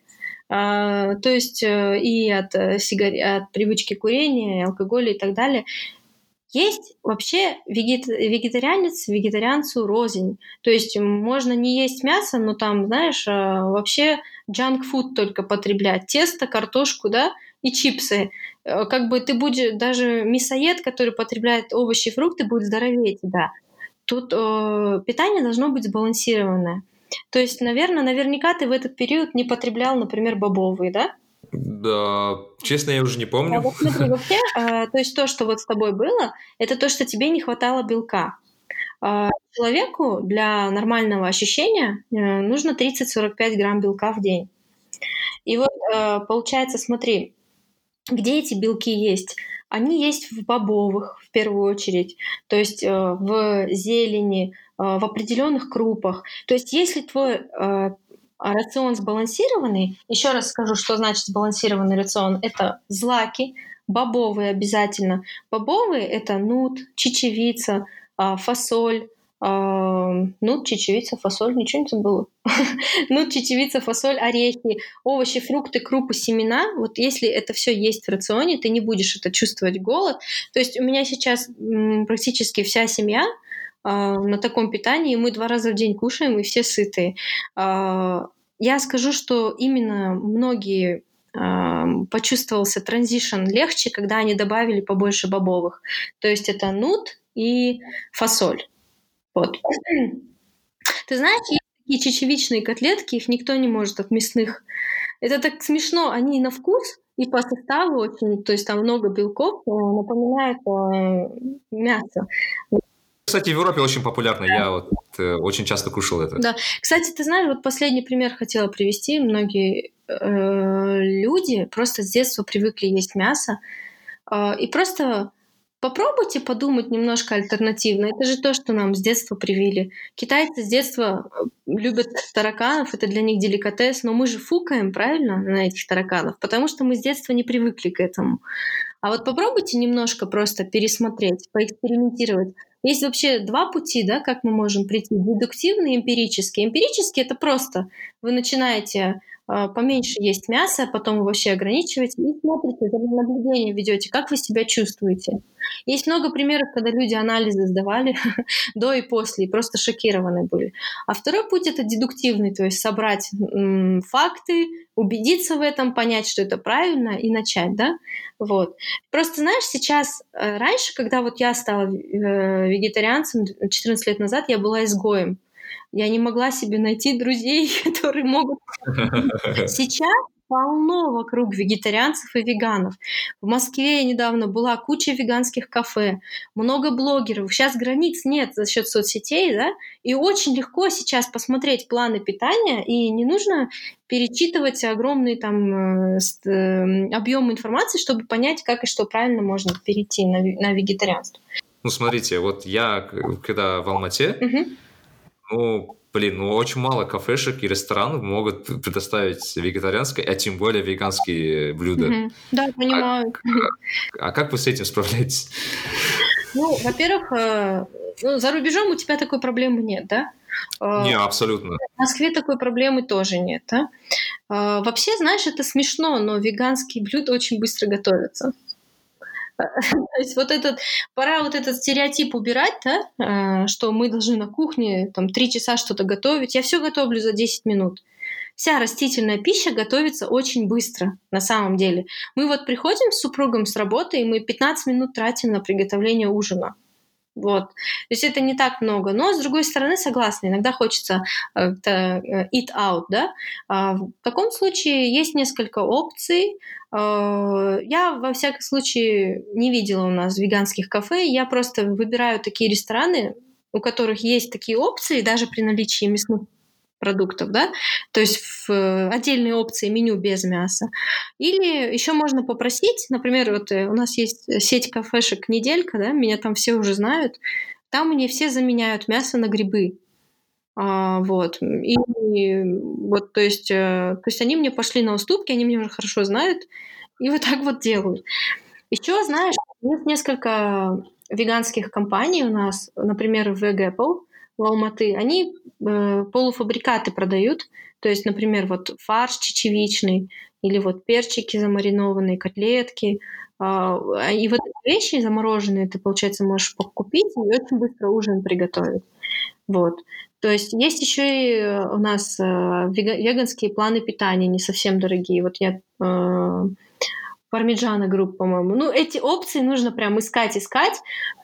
Но можно самому себе готовить. Я сейчас пришла к тому, что, оказывается, это несложно. Я вот во время карантина ко мне пришло это осознание. Я никогда в жизни так много не готовила, как сейчас. Оказывается, это несложно, черт побери.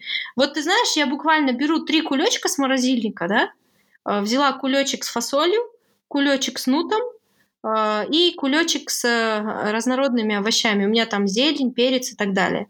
Свежий лук чищу, жарю, все это туда добавляю с морозилки, заливаю э, кипятком, потом в блендере, и все. Это суп, или если меньше воды добавить, э, как бы соус для макарон, для риса и так далее. Это все дети любят у нас дома, супруг очень любит и так далее. Ну, это интересно, очень experience. То есть все а просто, как дети на это, а, а как дети на это смотрят? Как дети на это смотрят? А, вообще, я, э, многие думают, что я дома всем говорю, так, мы не кушаем мясо, никто, только попробуйте. На самом деле, мой, мы 12 лет вместе с э, супругом, и он только через 11 лет стал вегетарианцем. Вот, 11 э, лет его путь да, его, длил, его путь длился 11 лет, но эти 11 лет он очень мало ел мяса. Ну, вот так, мог в кафе поесть или у друзей, да, там. Потом он в один день э, просто говорит, блин, я понял, что я когда поем мясо, мне уже реально не очень. Э, и он меня просил уже, пожалуйста, вообще не готовь мясо. Но он более строго к этому относился. Он, например, даже не ел рис от плова мясного, да, а я могла поесть. Благодаря ему, наверное, я все-таки перешла на веганство. Он стал вегетарианцем, а я думаю, пойду я дальше. Дети, дети, они у меня, знают, с детства, с детства не любят мясо. Дети. Видимо, может, то, что я, когда вот их носила, не ела мясо, да, а когда я их кормила, я не ела мясо. И то есть они могут поесть мясо в садике или в школе, но они его не любят. Они, они у меня не вегетарианцы, они могут иногда поесть мясо, но не часто. Они чаще всего его оставляют на тарелке, но у меня нет такого, только попробуй поесть. Потому что я хочу, чтобы они выросли и сами вып- это решение как бы приняли. Но дома у нас э, я не готовлю сейчас вообще мясо. И дети мои полностью здоровы и редко болеют. Мы все регулярно сдаем анализы и проверяемся. Вот. Так что вот так вот. Круто.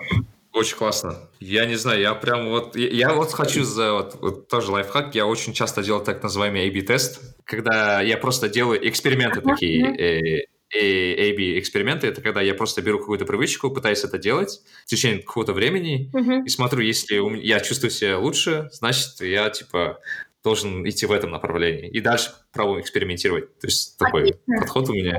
Эмпирический подход. Да-да-да, я такой вот. Классно, классно. Я люблю такой подход.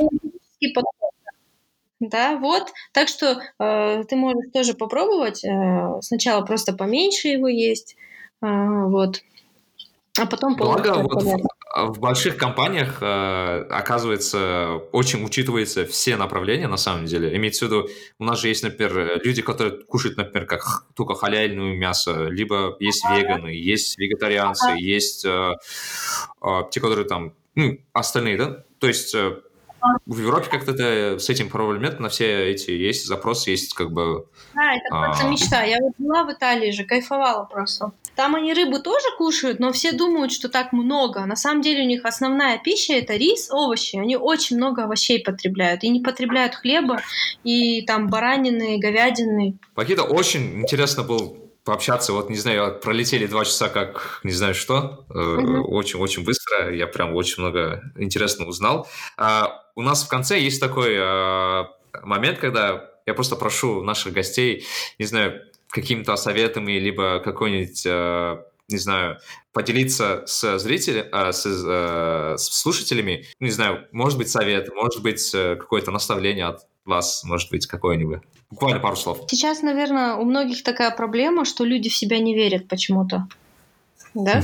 Вот, э, я бы хотела э, дать такой совет. Всегда помните, что even monkeys fall from trees, да? И э, даже обезьянки падают с дерева. И даже инженеры НАСА гуглят формулы э, какие-то э, базовые геометрические. Всегда об этом помните. Э, вот. И визуализируйте то, что вы хотите а, чтобы было в вашей жизни.